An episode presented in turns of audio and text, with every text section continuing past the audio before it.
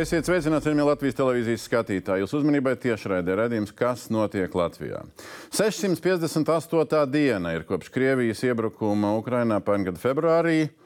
Latvijā un Baltijā rit nu jau ne pirmā desmitgade, kopš aizsākās plāni par dzelzceļa projektu, kas neizmantotu Krievijas uh, un PSRS liešu platuma standartu, bet Eiropas. Laiks iet, Real Baltica plāni mainās, īstenošana kavējās, uh, izmaksas aug un neskaidrība kļūst nu, iespējams vairāk, uh, nevis mazāk, relatīvi skatoties. Vakar valdībā kārtējo potenciālo ziņojumu par šo jautājumu atlika izskatīšanā. Um, šovakar uh, padiskutēsim par to, kas notiek uh, ar šo Latvijas vēsturē vislielāko infrastruktūras projektu, par kādu cenu, ko mēs īsti dabūsim un kad tas varētu notikt. Uh, diskusijas dalībniekos ir divi esošās valdības ministri.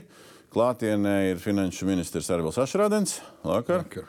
Un neklātienē satiksmes ministrs, kurš vakar vēl valdības sēdē bija, cerams, ka ne valdība pie vainas, šodien sasirdzis un attālināt. Kaspars Briškens, labvakar.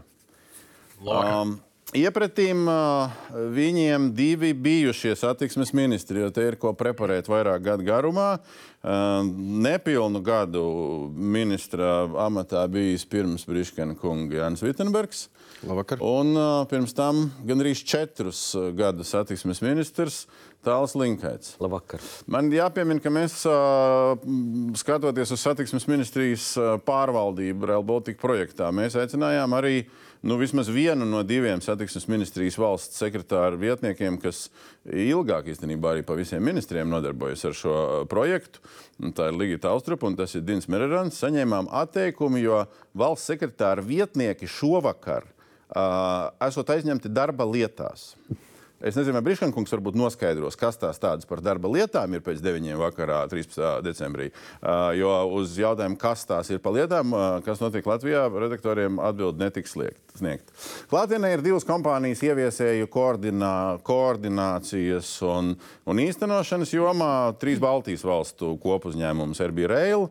Tā globālā projekta stratēģijas un ekonomikas departamenta vadītāja Kristīna Malniča. Uh, Un līdzās viņai Eiropas dzelzceļa līnijas, tad, tad Latvijas simtprocentīgā um, kompānija, um, būvētāja, organizētāja kompānija, tā valsts priekšsēdētājs Kaspars Vingris. Labvakar. Un vēl divi dalībnieki preparētāju, uh, vērtētāju statusā valsts kontroli. Arī nevienu, ne divus, ne trīs un ne, ne četrus gadus uh, vērtē uh, Real Baltica īstenošanu valsts kontrolas padomus locekli Ines Kalvāne. Labvakar. Un kā privāts vērtētājs, jurists ar pieredzi būvniecības lietās, bet ar atrunu šovakar, kad nav šobrīd klientu, kas ir iesaistīti Real Baltica projektā, Jānis Uzlēns. Labvakar. Labvakar. Nu, mēģināsim sākt, nu, skatoties uz pagātni un, un, un, un tad preparējot tālāk, kas tad varētu notikt vai nevarētu notikt. Nu, um, desmitais gads rit kopš Erbija Rails eksistē un Eiropas dzelzceļa līnijas eksistē. Uh, Uh, un drīz pēc tam sāk parādīties, es uzlikšu fonā, parādīties visādi smukas bildes, kā iestas uh, ceļš un kā tie vilcieni ripos un kā tas viss smuki notika. Uh, un uh, bija starpvaldību līgumi, un, uh, un uh, pirmie miljoni sāk parādīties. Uh, un sākās būvēšana Rīgā, Rīgas lidostā, un paralēli sākās projektēšana lēnām, zemju atsevināšana vēl lēnāk vai tikpat lēnām. Uh, naudas uh, tur aug, tur aug. Nu, tad mēs esam nonākuši pie sāgas, nu, kad pēdējos mēnešos cirkulē stāsts par to, cik cik kārtīgi dārgāk, un biets, kas karājās apkārt, un skan 8 miljardi. Aušrādīnkungs, jūs esat bijis politikā tikpat ilgi, cik viss šis projekts ir noticis. Vai nu saimnes deputāts, parlamentārais sekretārs finanšu ministrijā, valdības loceklis kā ekonomikas ministrs, tā skaitā, kad, uh, kad slēdza to Baltijas līgumu savulaik, nu un tagad finanšu ministrs. Nu, apskatoties uz to, nu, nevarēja tā būt, ka saimnes deputāts uh, un, un valdības loceklis nu, galīgi neko nezina par notiekošo. Nu, kas ir objektīvi bijušas kaut kādas lietas, nu, kas vienkārši objektīvi radās uh, kā problēmas un kas ir kļūdas? Nu, es esmu bijis līdz šim diezgan tālu no ieviešanas. Tas nozīmē, ka, varu... tas nozīmē, ka tieši satiksmes resurs bija vienīgais, kas bija tuvu, un pārējie tā, nu, lielais projekts, nu, kaut kā tā. Jā, nu es mēģināšu. Restīvi, kur uh, veidojās šobrīd uh, vismaz kolīzija finanšu ministrijas pusē. Uh, jāsaka, ka uh, pirmais ministrs bija Vitsenbergs kungs, kurš saņēma drosmi un atnāca finanšu ministrijā un teica, ka uh, šis nemaksās tos 1,9 miljardus, kas bija uh, 16. un 17. gadā. Mēs jau šodien pārbaudījām visus arhīvus. Tālim Linkaitam nebija drosmes. Uh, visa, ne, ne, ne, tas, tas ir interesanti. Es tiešām vēl šodien lūdzu kolēģiem uh, atnākt no nu, apstīties, kas valdības protokolos. Mums ir stāstīt, kāda tik brīnuma tur nebūs. Līkuma, pagrieziena, stacijas un, un tā tālāk. Viss, protams, priecīgi ir mājuša galda, tikai ne ir pušplēst vārdi bija teiks, ka tas maksās vairāk kā 1,9 miljardus. Tā ir tā problēma. Ir jūs valsts... paši tā neiedomājāties. Tur valdībā toreiz sēžot, uh, parlamentā. Nē, nu vēlreiz nu, nāk ziņo, un tad, tad visticamāk, tas saprotam, ka tas iekļaujas tajā visā. Tad Vitsenbergs kungs tiešām atnāca un teica, nu, šis laikam nesanāks. Tas iespējams būs stipri dārgāk. Ja? Kļūda, un, ka nebija drosmīgo. Uh, Un, nu, nu, vismaz, es varu teikt, nu, nu, raugoties no finanšu ministrijas viedokļa, šobrīd es varētu teikt, ka šis projekts ir bijis diezgan dezintegrēts no kopējā valdības darba. Jo tā, ka būtu sistēma, kad nākt un kāds teikt, nu, ziniet, mums tas projekts sanāk dārgāk, mums vajag mandātu par uh, miljārdu vairāk, vai par diviem, vai par četriem, vai par sešiem, nu, tāda diskusija valdībā nav bijusi. Labi, iesākumam, iesākumam paldies. Briškankungs, te, nu, tā kā te drusku personības dalīšanās ar jums iznāk. Jo līdz 22. gada pavasarim visā visā šajā laikā, kad ir, ir drosmīgie, nav drosmīgie, sadārdzinās. Nē, jūs esat Erbija Reila uh, augsta uh, amatpersona, de, nu, līdzīga nosaukuma departamenta vadītājs kā Malničs kundze. Uh, un tagad tikai pāris mēneši vai nekā ministrs. Nu, tad skatoties uz priekštečiem ministra amatā un skatoties pats uz sevi pagātnē, kas ir uh, normālība un kas ir uh, nu, vismaz kļūdas. Nu, viens, kas ir ļoti klātesošs, ir tas noslēpumainības plīvos. Mēs varam, protams, preparēt, kas bija tie iemesli. Es pats redzu arī pēc ministrijas dokumentācijas sistēmām, ka bija vesela virkne ziņojumu, kas bija gatavoti virzīšanai uz ministru kabinetu, un ministra līmenī tika nobloķēti, oh. lai turpinātu šo, nu, teiksim, Jūs runājat par Vitsenbergu vai, vai par kuru ministru? Šajā gadījumā ministrs Linkaits, kurš bija čet, četrus gadus. Tieši, tas, ko es darīju, noblokēts, kas, kas tika nobloķēts? Linkēt, kungs, lūdzu, precizēt. Bija nobloķēts. Viens ziņojums, kurš šķiet 2022. gadā būtu ziņojis, ka Latvijas posms ir kā minimums par diviem miljardiem dārgāks. Un kas ir svarīgi, mēs jau redzam arī tagad būvniecības pamatlīnijas līgumā, ka tur jau arī šī kontrakta potenciālā summa ir ir 3,7 miljardi. Līdz ar to, protams, ka šis nav nekāds jaunums. Arī projekta attīstītājiem bija skaidrs, ka investīciju vajadzības pieaugs.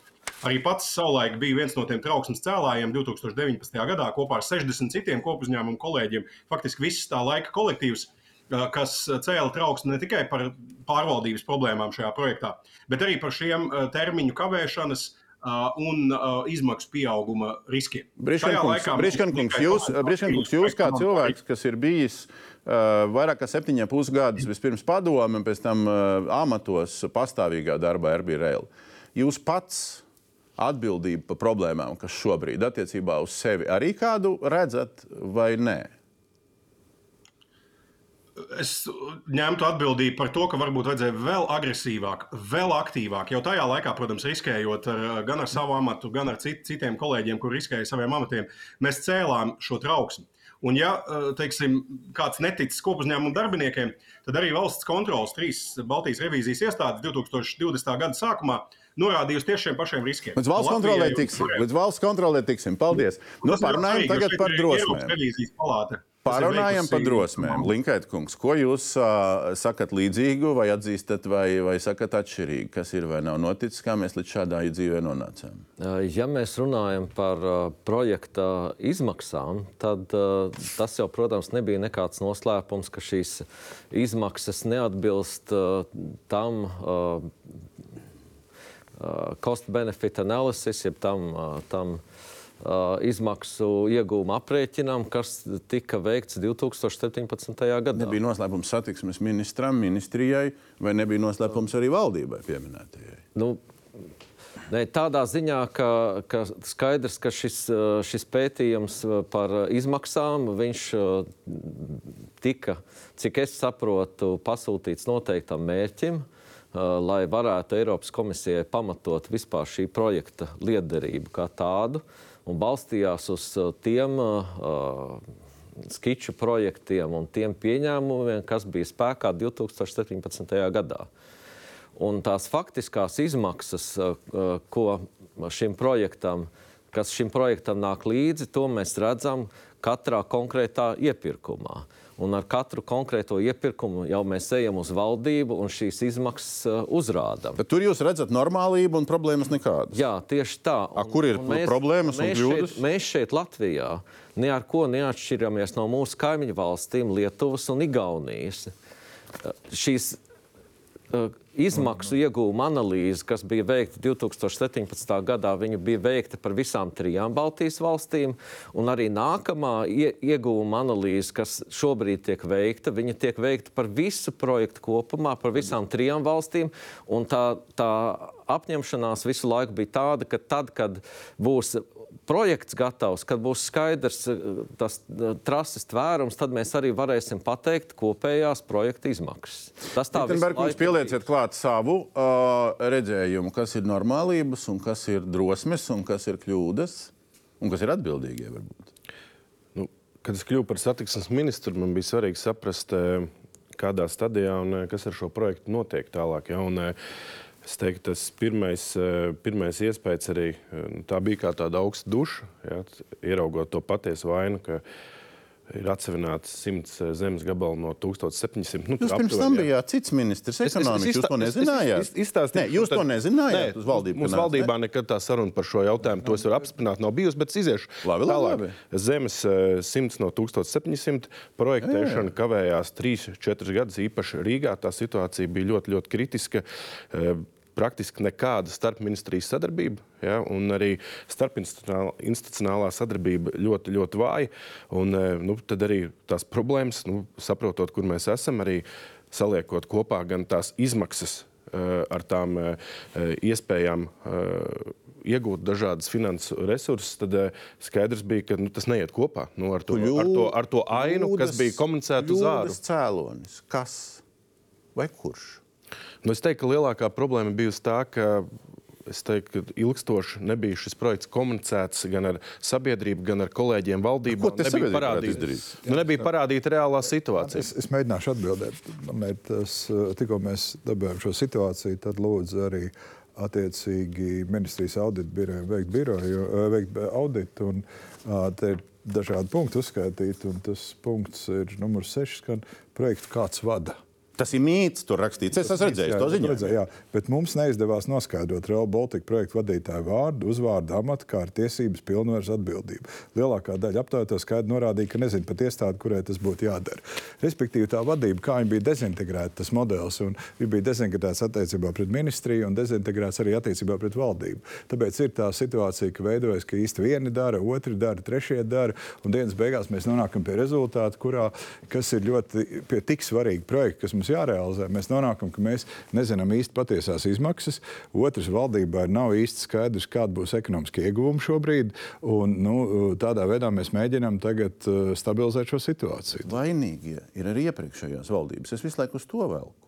Uh, Jā, un nē, nu, droši vien, kad attiecīgā ministrija ir, uh, ministrijai ir jāuzņemās atbildība. Un, nu, attiec, tomēr ir valsts vada Ministrija māja, ko tu māja var uzņemties Nē, nu, atbildību? Ministrija, es domāju, institūcija. Tad ministrijai ir jānāk un jāsaka, ka veidojas situācija, kurā mēs ejam ārpus tiem līdzekļiem, kas ir, kur ir mandāts un, un kādā veidā šo projektu vadīt. Nu, Labi, vietā- iesaistam visus, kas vēl nav pie vārda tikuši. Eh, Finanšu ministra pasūtītais audits eh, jūlijā pasūtīja, pēc tam pa projektēšanas fāzi tas audits precīzi. Mēs mēģinām saprast, Jā, drusku, bet viņš ilgi eh, mēnesi. Valsts kontrole pirmo reizi nāca klajā ar to, ka ir problēmas. 20. gada pats sākums, tas bija auditējot 15. un 18. gada periodu.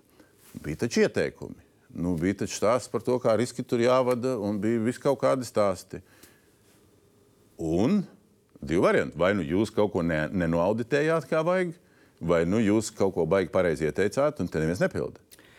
Jā, mēs 2020. gada sākumā saistībā ar Real Baltica pabeidzām divas revīzijas. Viena bija tā, par kuru runā visbiežāk, eh, sadarbībā ar Igaunijas un Lietuvas kolēģiem. kur mēs pārbaudījām pamatā akcijas sabiedrība RBRL, jo tas ir kopuzņēmums un tikai trietā mēs varam to pārbaudīt. Un otra bija mūsu nacionālā revīzija saistībā ar to, kā Eiropas dzelzceļa līnijām, satiksmes ministrijām, kā nacionālajiem ieviesējiem veicas projektu ieviešanā. Mēs konstatējām problēmas projektu ieviešanā, projektu pārvaldībā, Mēs runājām par problēmu cēloņiem, un problēmas bija saistītas gan ar pārvaldības jautājumiem, gan ar iepirkuma jautājumiem, gan arī ar budžeta un finansēšanas jautājumiem. Mēs sniedzām ieteikumus. Abās šajās revīzijās atšķirīgi uzraudzījām ieteikumus, jo Igauni atšķirīgi no mums uzrauga ieteikumus, ieteikumus bet jebkurā gadījumā ir informācija par ieteikumu ieviešanu tika saņemta, ministrijas ziņoja regulāri. Bet pirms mēs nonākam pie ieteikumiem, es gribu pateikt, ka valsts kontrole, tad, kad pabeidz savus uh, revīzijas ziņojumus, tad parasti tās nosūta ne tikai atbildīgajai ministrijai, bet arī citām ministrijām, ne tikai publisko izdevumu un revīzijas komisijai parlamentā, bet arī citām parlamenta komisijām, kuras mūsuprāt varētu interesēt revīzija rezultāti. Ar ko jūs gribat pateikt, ka zināja gana daudz un saprata, Jā, kas notiek? Es vēl gribētu paturpināt, ka īpašos gadījumos. Eh, tad, kad ir īpaši aktuāli vai īpaši mūsuprāt riskanti jautājumi risināmi, vai tādos gadījumos, kad mums neizdodas vienoties ar revidējumām vienībām, un tā mums praksē notiek, mēs uzrunājam mm, ministru kabinetu, premjerministru. Un tā ir noticis arī e, Rail Baltica revīzijas sakarībā, gan par revīzijas rezultātiem, gan saistībā ar to, ka projektam nav skaidra finanšu plāna. Nu, mēs izlaidām tur par projektu vadītāju un, un, un tādas lietas. Ja.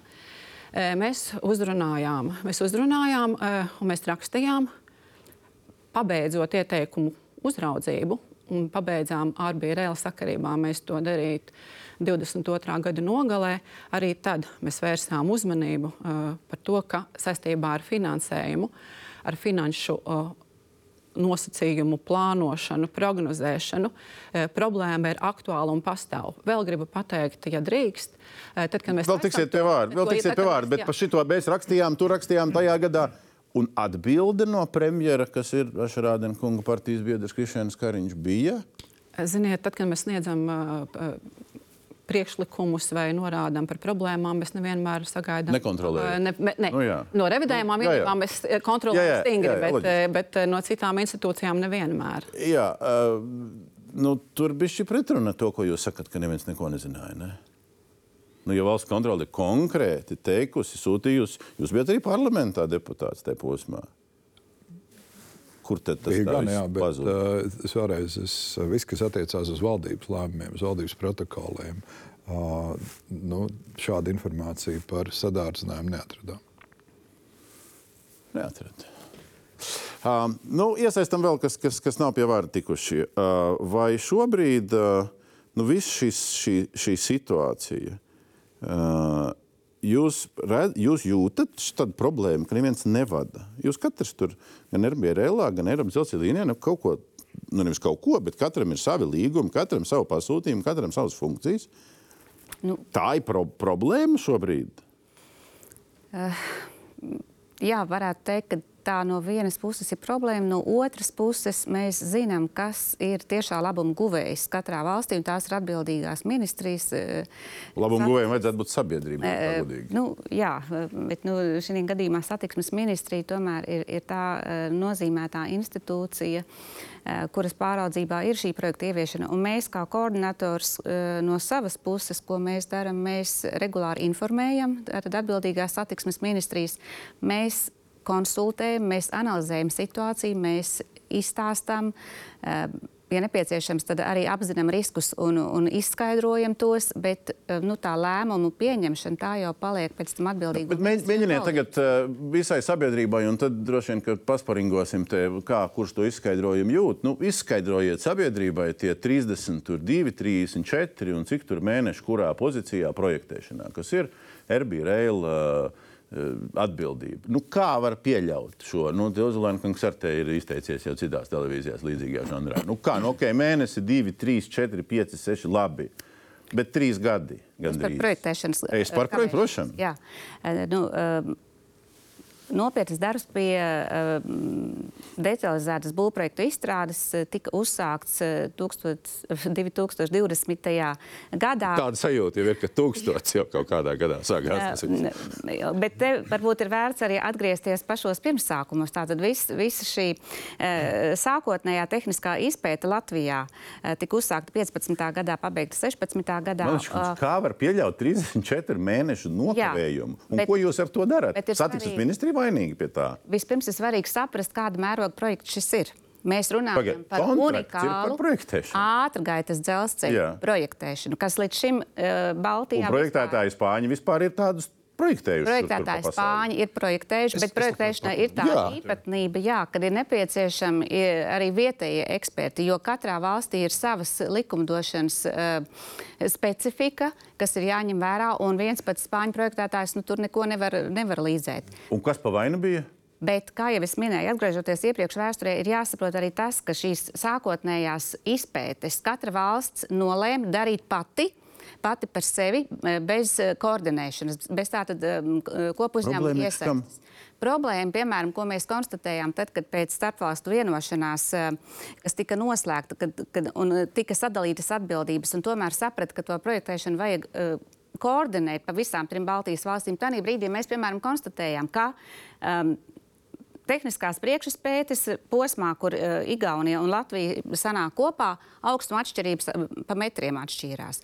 Tādā vietā, kur Latvija un Igaunija sanāk kopā, atkal trases uh, nobīde atkal pa, kaut kādiem. Uzulēnkungs pirms brīža šito rādīja. Kas tas bija tāds? Nē, nu, un pēc tam, un tad, tad piesaistās kopu uzņēmums, lai veidotu vienotu, ir šitas? kopīgu dzelzceļa um, šo koridoru visās trīs Baltijas valstīs. Jā, šis plāns bija ļoti ambiciozs, divos, trīs gados šo projektēšanu pabeigt. Ļoti ambiciozs mērķis, tāpat kā ambiciozs mērķis arī pabeigt uh, būvdarbus. Maličkungs. Bet tā, ka mēs Beidzam, sākām, beidzam, iedodam šos- citiem vārdiem. Bet tā, ka mēs sākām Nu, to te būvēt, nav monologa, te parunājamies, tā normāli dinamisks, atklājās te ir dinamisks virkne, laiks, virkne jā. Veselu, veselu komplicētu jautājumu. Es noreaģēju uz šo vienu vienkāršu lietu. Bija runa par vietējiem ekspertiem, būtībā runa par vietējiem inženieru birojiem. Jā. Un man šķiet, ka tā ir viena globāla problēma, ka ļoti maz vietējie speciālisti tika iesaistīti šajā darbā. Un uh, otra lieta, ka uh, projektēšanas fāzē, kad, kad tika solīta uh, izmaksas, man šķiet, ka viņas bija nosolītas tik zemas, Nodempingotas. precīzi. Ka vietējie nebija gatavi nākt, uh, darīt darbu, kas maksā eventuāli 1 eiro par 20 eiro centiem. Un tā ir viena problēma. Bet, uh, tas, ka es, es klausos, jūs sakat par problēmām, bet uh, tad, tad uh, viss jau sākās ar ko ar izpēti. Jūs jau pareizi sakat. Ja? Bet, ja mēs neesam atsevinājuši zemes, ja mēs neesam tikuši šīm zemēm klāt, ja mēs neesam dabūjuši šīs zemes uh, izpētīt detalizēti, tas nozīmē, ka mums trūks doto, lai projektētu. Un tā ir problēma. Te di, di, divi bijušais un esošais ministrs grib teikt, Ritenbergs. Nu, tieši tā, tad, eh, lai jūs saprastu, eh, projekts ir visu, visa pamatā, lai pēc tam tālāk varētu zināt precīzi, kas tad ir jābūvē, lai varētu izsludināt konkursus, arī pieteikties finansējumam, jo Eiropas Savienība prasa gatavību. Lai pieteiktos un sekmīgi apgūtu šo un dabūtu šo finansējumu, ir vajadzīga gatavība. Bet trīs gadi eh, kavējas projekts, bet nav jau tā, ka eh, tur ir vainīgi teiksim, Spāņi. Ja? Spāņi no savas puses visu šo laiku ir signalizējuši. Viņi saka, agrāk jūs teicāt, ka vajag ātrumu 240, tagad ir 249. Kravnesība ir cita papildus uzņemta jauna objekta, kas jābūvē. Es Saku, nu, draugi, nu, ja ir papildus aktivitātes, tad maksājiet vairāk. Šajā gadījumā ar tiem spāņiem tālāk tā komunikācija ir bijusi vāja. Trīs gadus ir bumbulēts un gaidīts, ka Jūs tā sakat, situācija Spāņi nav vainīgi ne pie kā. Nē, tā situācija ir abās pusēs. Tā, kad, bet vienkārši dialogs, lai to jautājumu risinātu, nevis trīs vai četrus gadus vilkt. To varēja izdarīt pēc trīs mēnešiem. Nu, draugi, jūs nenovērtējat situāciju, bet te kas nu ir problēma. Vai nu laužam, vai nelaužam. Nu, kā, un, un, Bet, bet šeit ir viena lieta, tā pašā jūs pieminētajā auditā, kas jums te stāv vienā citā punktā. Un es nezinu, vai jūs kā ministrs to uzturat. Ir eh, līguma soda jautājums, soda nauda, precīzāk, ja mēs juridiski izsakamies, ja, kuras nav piemērotas mm -hmm. šajā gadījumā. Jūs uzturat, ka tā ir varbūt problēma, kad ar tiem spāņiem notikusi auklēšanās. Ja to, to jūs ne, nevarat. Es teiktu, ka tas dialogs ir iztrūcis, jo šajā gadījumā jau nu, arī tagad var ieslikt uh, sodu naudu, bet svarīgs jau ir laiks. Projekti ir jāpabeidz nekavējoties, lai varētu apgūt un uh, pieteikties papildus Tas, ka ir jāpabeidz, to mēs jau gadiem sakām un nepabeidzam. Brīškana kungs, kas bija replika? Jā, es, es paturpināšu. Es ļoti piekrītu tezē, ko Vitsenbergs tikko minēja, ka, protams, ir, ir vēlme atsevišķām struktūrām spāņus padalīt par grēkāžiem, bet šeit ir, un es šeit nemēģinu aizstāvēt Arbi Rēlu, jo jau kopš 19. gada, kad projektu pameta tā laika Somijas speciālists, kas bija izpildirektors Arbi Rēlam, nu, tur ir kā desmit valdes locekļi nomainījušies. Nekompetentāki, nekvalificēti viens par otru kuriem vienmēr bija uzdevums, tā skaitā ministra Linkaita uzdevumā, mēģināt iedzīt projektēšanas procesu. Bet viena lieta, kas šeit nav izskanējusi, un viņa ir kritiska, ir tas, ka bija ārkārtīgi, pat katastrofāli nekvalitatīvi sākotnējie skiču projekti. Faktiski, ja mēs paskatāmies uh, investīciju uh, izmaksu pieauguma kontekstā, tam ciparam, kas bija Latvijai savulaik 17. gadā 2,2, jau tad vajadzēja būt vismaz divreiz lielākam. Līdz ar to šajā skiču projektu fāzē netika novērtētas tās izmaksas. Viens interesants fakts, ko, ko es arī nesen iepazinos, 57 uh, iztrūkstoši šķērsojumi. Ja Jā, mēs salīdzinām, bet Briškenkungs, bet Briškenkungs, bet Briškenkungs un līdzīgi pēc tam Linkaikungs. Nu, tad šī skiču padarīšana, tas ir cik desmit gadi mums to būs pagājuši, jā? jā tas ir 2017. gads, kad Briškenkungs, manuprāt, Tā, bija. Jā, kad ir Briškenkungs arī vēl aizvien ir bija Reilā. Tas Ernsts Janga, tas rēķinājums ir 17. gada rēķinājums par tiem nepilniem diviem miljardiem, jā? Nu, kas tad notika 18., 19., 20., 21., 22. gadā? Gan Erbija Reilā, kur Malniča kundze vēl nebija, ja? gan satiksmes ministrijā, kur bija uh, Linkaits, Briškankungs. Kas notika? Nu, mēs nezinājām. Tāls Linkaits bija ministrs četrus gadus. Jā. Tā ir vienkārši nekorekta. Jūs bijāt septiņus gadus Erbija Reilā arī. Es nestrādāju ar projektēšanas jautājumiem. Es kā reiz cēlu trauksmi par pārvaldību par, teiksim, par komercializāciju. Es strādāju ar starptautiskiem piegādātājiem. Šajā gadījumā es ļoti detalizēti zinu arī Spānijas kontraktoru argumentus. Un tāpēc es zinu, ka vienpusēji viņus padarīt par grēkāžiem nav korekti. Tas ir veids, kā ministrs Linkaits un pārējie, kas tajā procesā bija iesaistīti, tā skaitā arī bija reāli tā laika valdes locekļi un valdes priekšsēdētājs, vienkārši mēģina nobēdzināt savu atbildību. Erbija Reāls pārmet bijušais Erbija Reāls pārmet uz ministra Linkaita bumbu. Jā, nu, protams, prieks ir dzirdēt, ka cilvēks, kurš ārbija lērā visus šos gadus ir atbildējis par stratēģiju, mēģina izstāstīt, ka viņš ir varbūt gājis pie ministra un ministrs ir kaut ko bremzējis vai, vai kaut kā mēģinājis atturēt vai, vai kā savādāk. Tad varētu kādu konkrētu faktu arī minēt, ka tas tā ir bijis. Konkrēts fakts. Jā. 2019. gada oktobrī 60 kopuzņēmumu darbinieki iesūtīja atklātu vēstuli trīs Baltijas ministriem. Ministrs Linkaits to noignorēja. Tad, kad Jā. mēs pēc mēneša aizsūtījām šo pašu, mazliet pārstrādāt, bet ar tiem pašiem argumentiem vēstuli trīs Baltijas premjeriem, tad Linkaita kungs pieslēdzās viegli aizkaitinātā tonī un teica, ka projektā nav nekā kritiska. Jā, lūdzu, nestāstiet sabiedrībai, ka netika celta trauksme. Jūs vienkārši nerīkojāties tajā laikā. Tas ir visiem projektā speciālistiem zināms, izņemot, protams, tos eh, jūsu marionešu valdes locekļus, kurus jūs virzījāt tajā laikā. Linkēt, kungs, atbild. Jā, nu ļoti interesanti dzirdēt par kaut kādām marionetēm, kas kaut kur tika virzītas, un, un šāda veida retorika. Uh, valdes locekļu samatā ieceļ pavisam citas personas, un to jūs, Briškāns, kungs, ļoti labi zināt. Tas ir viens. Otrs. Uh, tomēr nevajadzētu arī noņemt savu atbildību par to, kāda ir bijusi ārbīrēla stratēģija un tieši par stratēģijas jautājumiem arī atbildēt. Un treškārt par, par to, kādā veidā gan kopuzņēmums strādāja, gan arī kāda bija šī pārvaldības sistēma. Jā, protams, viņa savulaik ir ielikta uh, diezgan atgādna, un visa šī ceļa garumā mēs esam mēģinājuši kaut ko mainīt. Arī man atnākot 2019. gadā, un uh, jūs varat pēc preses materiāliem secināt, arī man bija tieši tās pas, tāds pats secinājums, ka projekts iekavējies. Mēģinājāt, un projekts ir īstenībā. Nē, nē, nē, mēģinājāt, bet, bet es, es, es gribu pateikt, kāpēc. No.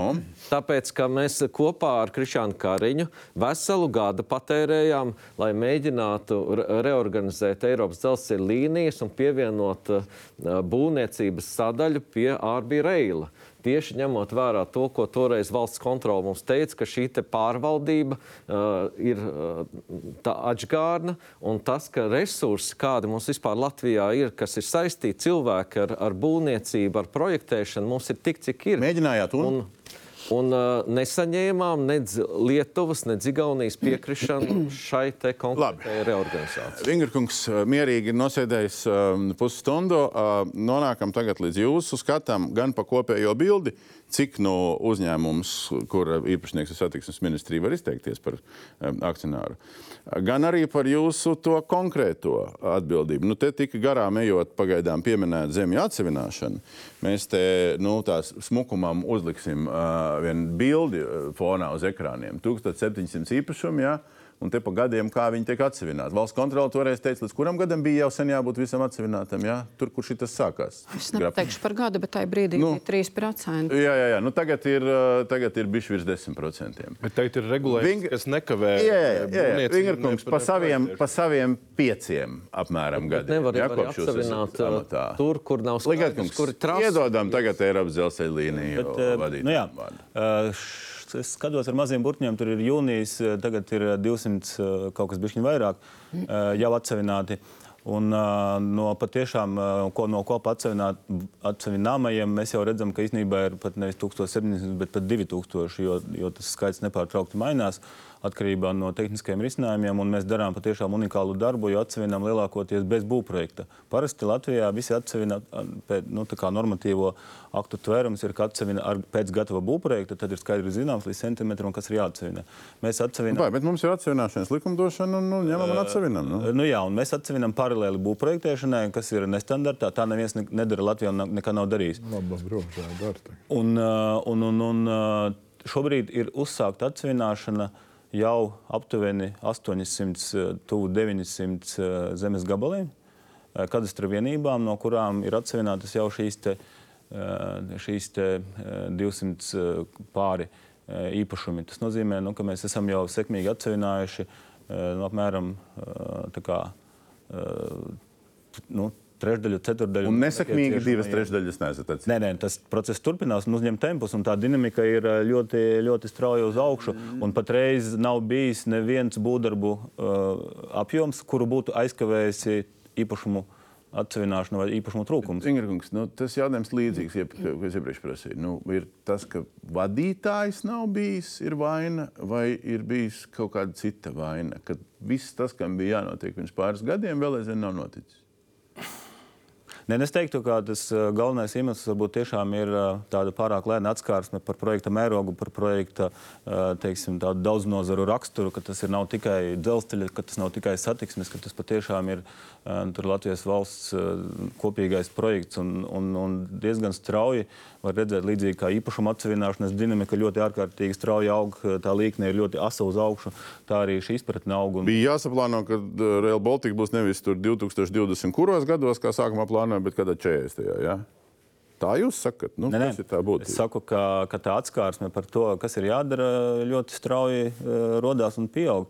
Mums šobrīd šajā gadā ir iesaistīti visu ministriju ministri. Mums ir atskārsme par no, nepieciešamību Atskārsme iegūt citus ir. avotus un notiek darbs pie tā, to meklēšanas un tā tālāk. Jā, jā, jā Vitsenbergs un grib, es Jā. tomēr gribētu par lietas būtību, par to atsevināšanas, zemju atsevināšanas tempu.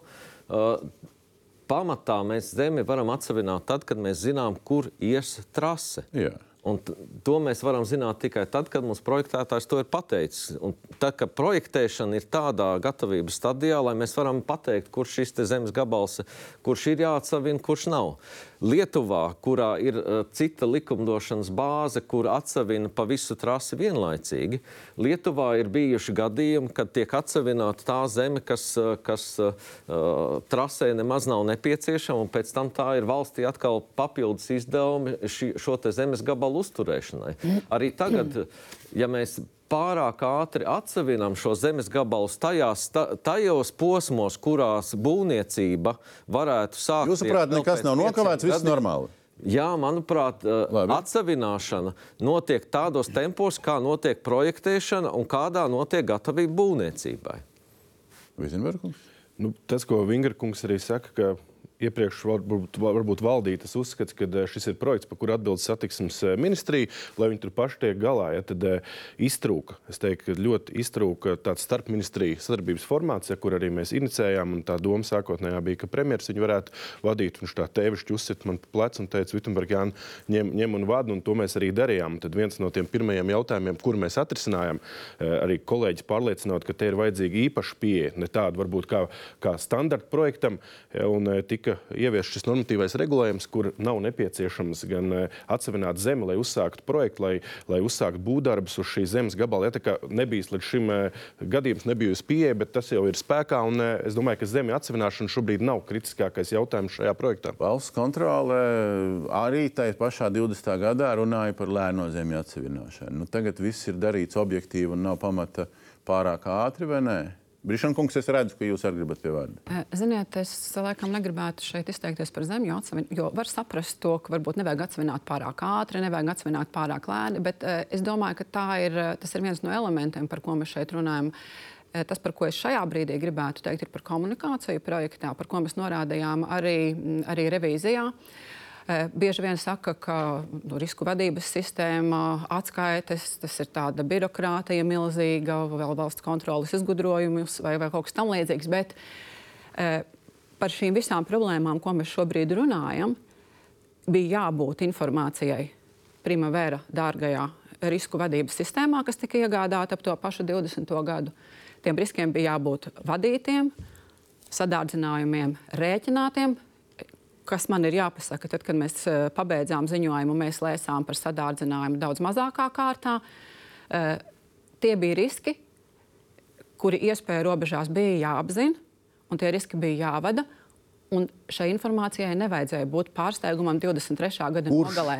Projektēšanā vai zemes atsevināšanā pienācīgi nevadīja riskus. Nevaru atbildēt šodien pēc pusgada iespējams, kad pabeigsim jauno revīziju, bet katrā ziņā, tad, kad saņēmām informāciju par uzlabojumiem projektu pārvaldībā, no ārbija rēla, no satiksmes ministrijas, arī no Eiropas dzelzceļa līnijas, līnijām, tātad eh, bija runāts, ka ar lielākām vai mazākām sekmēm šī risku vadības sistēma tiek darbināta, un tā bija jāpiepilda, šī informācijas sistēma bija jāpiepilda ar saturu, un šis saturs bija jālieto lēmumu pieņemšanai. Eh, tā skaitā arī jārunā par nu, nepatīkamiem vai grūtiem grūtiem vai smagiem lēmumiem, par kuriem mēs runājam šodien. Bet, bet nevajadzētu būt tādai situācijai, ka 23. gada nogalē nu, vairākiem cilvēkiem, kas, kas tiešām deg par to dzelzceļa līniju, ir, ir citādāka izpratne par to, kurā brīdī kāda problēma radusies un kāda tam ir ietekme. Ašrādījums, nu, viena lieta, ka mēs runājam par termiņiem, un tā nav jūsu saimniecība, bet izskanēja tas vārds sadārdzinājums, un tas kļūst par jūsu saimniecību, jo nu, tas audits, ar, pieminētais, bija saistībā ar sadārdzinājumiem. Mēs dabūjām no satiksmes ministrijas, nu, nav jēgas iedziļināties jebkuram cilvēkam nu, kaut kādās detalizētās lietās, bet nu, e, nu, to skaidrs, kas ir iztērēts projektēšanā, ka tā skaitā zemju atsevināšanā un tam līdzīgi projektēšana vienā kompānijā, projektēšana otrā kompānijā. Nu, Kopumā, kas ir šobrīd jūsu diagnoze? Ir apšaubām, jo šobrīd uz galda nu, ir kaut kāda piešķīruma papildus sadārdzinājumiem, kas ir bijuši, un ir kaut kādi, kas vēl ir zem jautājuma zīmes. Kas ir jūsu diagnoze šobrīd? Sadārdzinājumi pieņemami, apšaubāmi? Nu, es, es tie, ko Vitsenberga kungs atnāca un teica, tā šī ir problēma, tad uh, mēs sākam mēģināt integrēt to jautājumu vispār, vispārējā valsts pārvaldē, budžetā un visās pārējās lietās. Uh, tas, kas ir, ir uh, manā izpratnē, ir, ir, ir fundamentāla problēma. Mēs vēl šobrīd nezinām, cik šāds projekts varētu maksāt. Tas Igauni, ir pa visu lielo bildi, jā, ir, jā, bet, bet te jau mēs runājam par konkrētām pozīcijām. Jā, jā, zin, jā, bet, bet un, un, un tagad tas jautājums, mēs nezinām, cik tas varētu maksāt, bet pilnīgi skaidrs, ka šī brīdī tā kā projekta izmaksas ir eskalējušās, būs jāiesaist valsts budžets. Un valsts budžets tam galīgi nav sagatavots. Tas nav pieteikts arī ne nākamā gada budžetā. Ne, nu, es ceru, ka mēs 25. gadā varēsim. Kas ir nākamā gada budžetā 170 miljonu Rail Balticam? Uh, Es ticamāk, tie ir līdzmaksājumi. Nu, jā, nu, bet šis nu, jā, jau viss ir ar līdzmaksājumiem. Jau, tas nav tā, tādas izmaksas, kas mums ir pieteiktas, kas ir miljardos eiro. Tāda nav budžetā iekšā. Nē, nē nu, miljardi sastāv no simtiem miljonu, un šeit mēs tieši runājam. Jo, bet, jo ja tā skatās, šeit ir, nu, es atļaušos teikt, tikai 259 miljoni. Līdzšinējais izlietojums. No jā, bet, uh, ne, Pie tam Rīgas sacīja, tur apēda vai ne? Un tad ir, es nevaru teikt, ka kopumā, re- bet rezervētā summa līdz rezervācijai šobrīd ir pie 900 miljoniem kopumā, kas ir iztērēta. Un mēs neesam tieši droši, ka tas ir tas projekts, ko mēs būvēsim šajā brīdī. Iztērēti. Nu, Vai šī te baigi, šī te Ir, precīzi. ir, ir rezervēti ir dažādām saistībām. Ir, jā. Jā, precīzi, jo, jo, jo tā ir aktuālā bilde, ko mēs dabūjam šobrīd aktuāli, ka no tiem 915 uh, ir iztērēti fiziski. Ir tie 200, nu tur vēl nevar saprast, vai tie 259 vai kas, bet, bet vēl pieejami ir lielākā daļa. Un ar zilu mēs redzam Eiropas naudu, un, un tā Latvijas daļa ir tie 171. Nu, tur nevar saprast, kur, kā viņi pa gadiem sadalās. Nu, jā, bet, bet tas, kas ir tā mūsu problēma, nu, Igaunija pagājušajā nedēļā paziņoja, cik, tas maks, cik maksās viņa projekts. Tas ir 3,3 miljardi. Uh, tad ir jautājums, nu, mēs esam ļoti, ļoti tālu no tā cipara šobrīd. Un, Nu, lai gan vai tas ir baigi oficiāli līdz galam cieti zemē iecirsts, ka 3,3 nav vai ne? Viņi arī nav. zinās, nav, viņi arī zinās nākamgad, kad būs jaunā, jaunā Nu, jā. ieguvuma, ieguvuma analīze Es, prezentēta visām trīs Baltijas nu, valstīm. es tādu, nu, tas ir valdības paziņojums par to, ar ko viņi rēķinās. Nē, es īpaši dzirdēju, ka viņi kaut ko citu plānot. Tā kā uh, uzmanīgi ar šo. Ja, un, uh, un, uh, kā tas ir tas, uz ko mēs varam atspērties. Labi. Un attiecībā uz Latvijas, Latvijas daļu nu, mums jāsaprot, kā tas projekts, kāds būs projekta dizains. Vai tas būs četras sliedes, vai būs sliedes, vai būs Daugavas šķērsojums uz salas. Absolūti. Vai būs Rīgā iebrauks vai neiebrauks. Visi šie jautājumi ir atklāti šajā brīdī. Tūlīt ķeramies, ķeramies tam klāt. Rīgā Briškam brauks. Iedodam vārdu, droši vien kaut kas pa iepriekšējo, un tad skatāmies, kas būs tālāk. Jā, par, par zemi atsevināšanām. Skaidrs, ka Latvijas likumdošanā ir šī nianses atšķirībā no Igaunijas Lietuvas, ka nevar atsevināt īpašums eh, pirms nav būvatļauja. Bet uh, tas jau nenozīmē, ka projektēšanas laikā nu, tā čūska, tas trasējums, nu, ka viņš kaut kā ļoti radikāli mainās. Līdz ar to priekšdarbus veikt noteikti bija iespējams. Uh, Satiksmes ministram Linkaitam partijas biedrs tajā laikā bija tieslietu ministrs. Bija visas iespējas jau 19. gadā uzsākt visaptvarošu Real Baltica likuma izstrādi kur tieši arī adresēt šo problemātiku ar īpašumu atsevināšanu. Tas netika izdarīts. Likums tika pieņemts ļoti nepilnīgs likums, kurš šovasar vēl bija jāgroza eh, pirms apmēram nedaudz vairāk kā pirms gada. Tas ir viens, viens kritisks aspekts. Attiecībā uz finansējumu visu laiku ir bijusi šī paļaušanās tikai un vienīgi uz šo konkrēto Eiropas Savienošanas instrumentu programmu. Tikmēr lietuvieši un igauni pieteicās militārajā mobilitātē, kur mēs pieteicāmies vai nu ļoti maz, vai arī iekšēji kļūdu dēļ nepieteicāmies pat vienam uzsaukumam. Mēs neizmantojam arī atjaunošanas noturības mehānismu finansējumu, neesam pilnvērtīgi domājuši par PPP projektiem, nu tam ir jāmainās. Teiktu, Es noteikti esmu uzlicis ambīciju, ka mums ir jādomā par to, kā diversificēt šo investīciju avotu portfeli. Un es ceru, ka mēs strādāsim cieši kopā ar Finanšu ministriju, lai beidzot atrastu projektam nu, vismaz opcijas eh, tālākajai finansēšanai. Es pilnīgi piekrītu, Labi. ka šobrīd budžetā nav ieprogrammēts tas milzīgais līdzfinansējums, kas būs nepieciešams. Bet tagad mēs nonākam pie tā jautājuma, līdzfinansējums kam? Nu, tātad mums ir trase, kā trase, un tad ir jautājums vienas sliedes vai, vai divas sliedes. Tad mums ir Rīgas lokus, kas nu, vislielāko rezonanci sabiedrībā ir izraisījis. Nu, vai tad ir Rīgas lokus tāds vai šāds, vai, eh, vai viņš tur nav un kā kurš kad savienojās. Nu, tad mums ir vēl atsevišķi, kā viņi sauc, punktu veida objekti, ja, tur kravas un, un nekravas. Un tagad ir jautājums esošam ministram, Briškankungs, kas tad ir jūsu šobrīd politiskais uzstādījums? Vai mēs ejam uz to, ka mēs uh, būvējam maksimāli visu, kas te ir tagad sadomāts, un spēcīgāk un niknāk, un lai var tankus pārvadāt par, par Rail Baltica un, un visu, kas objektīvi palielina izmaksas, un meklējam finansējumu un, un ejam kopā ar Finanšu ministriju vai, vai ne kopā, vai arī kaut ko griežam nost, kaut ko atmetam, kaut ko atstājam zem jautājuma zīmes uz x nezinu cik gadiem. Kas ir jūsu politiskais uzstādījums? Nu, viennozīmīgi ir skaidrs, ka projekta tā kopējā tvēruma investīciju vajadzības ir dramatiski pieaugušas. Pagaidām, paga, vajadzības tāpēc- jautājums, ko mums vajag? Visa projekta ar visām pozīcijām.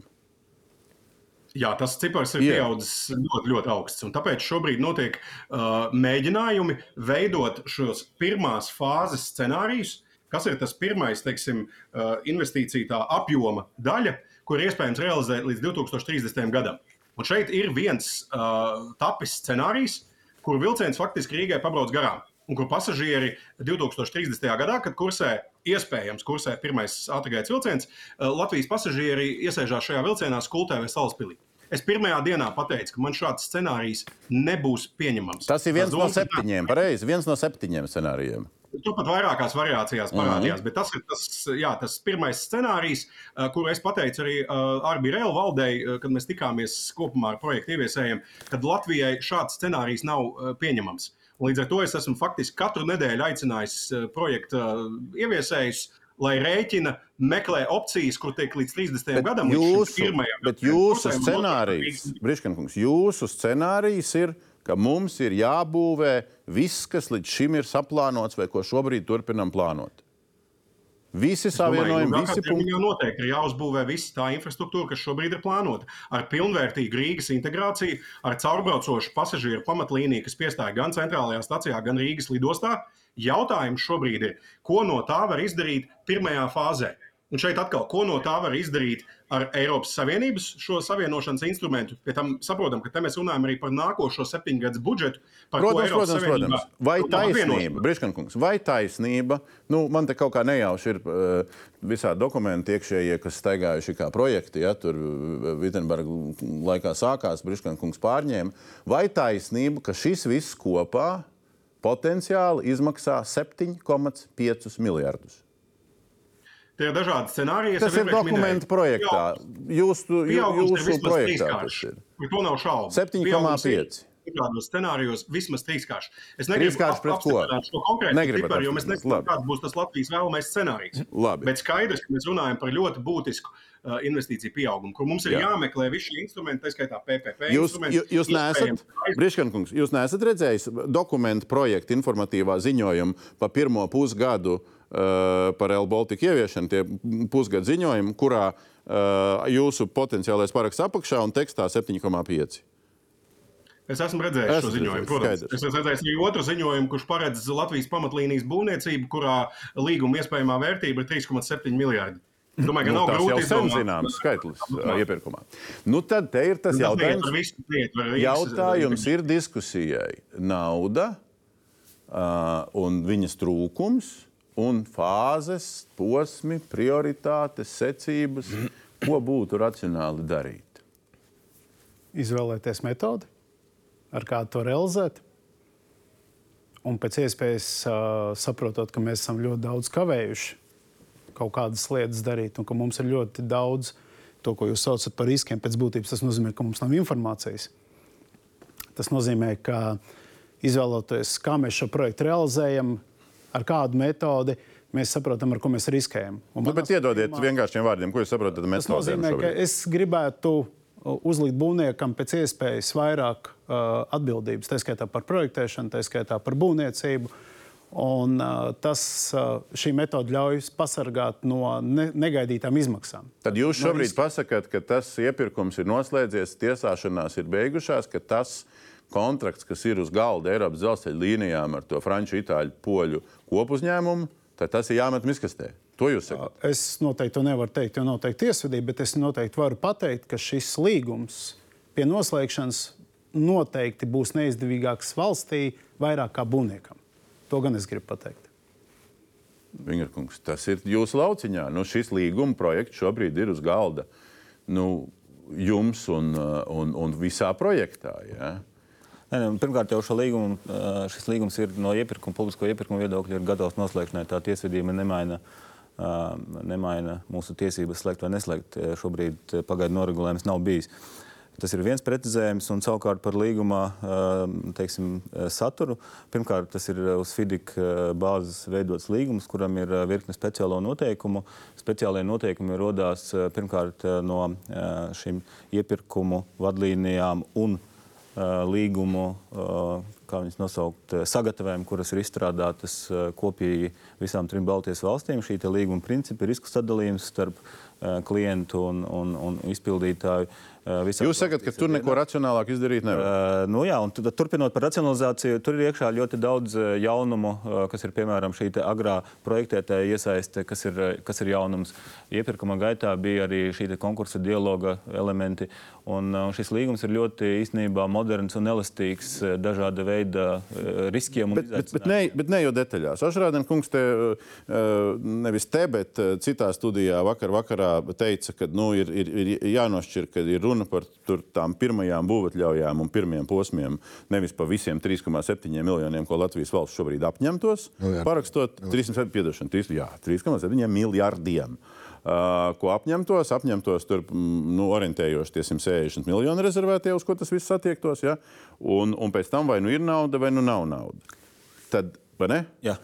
Tad kāpēc šobrīd šis līgums par to pamatrases būvniecību netiek parakstīts no jūsu puses?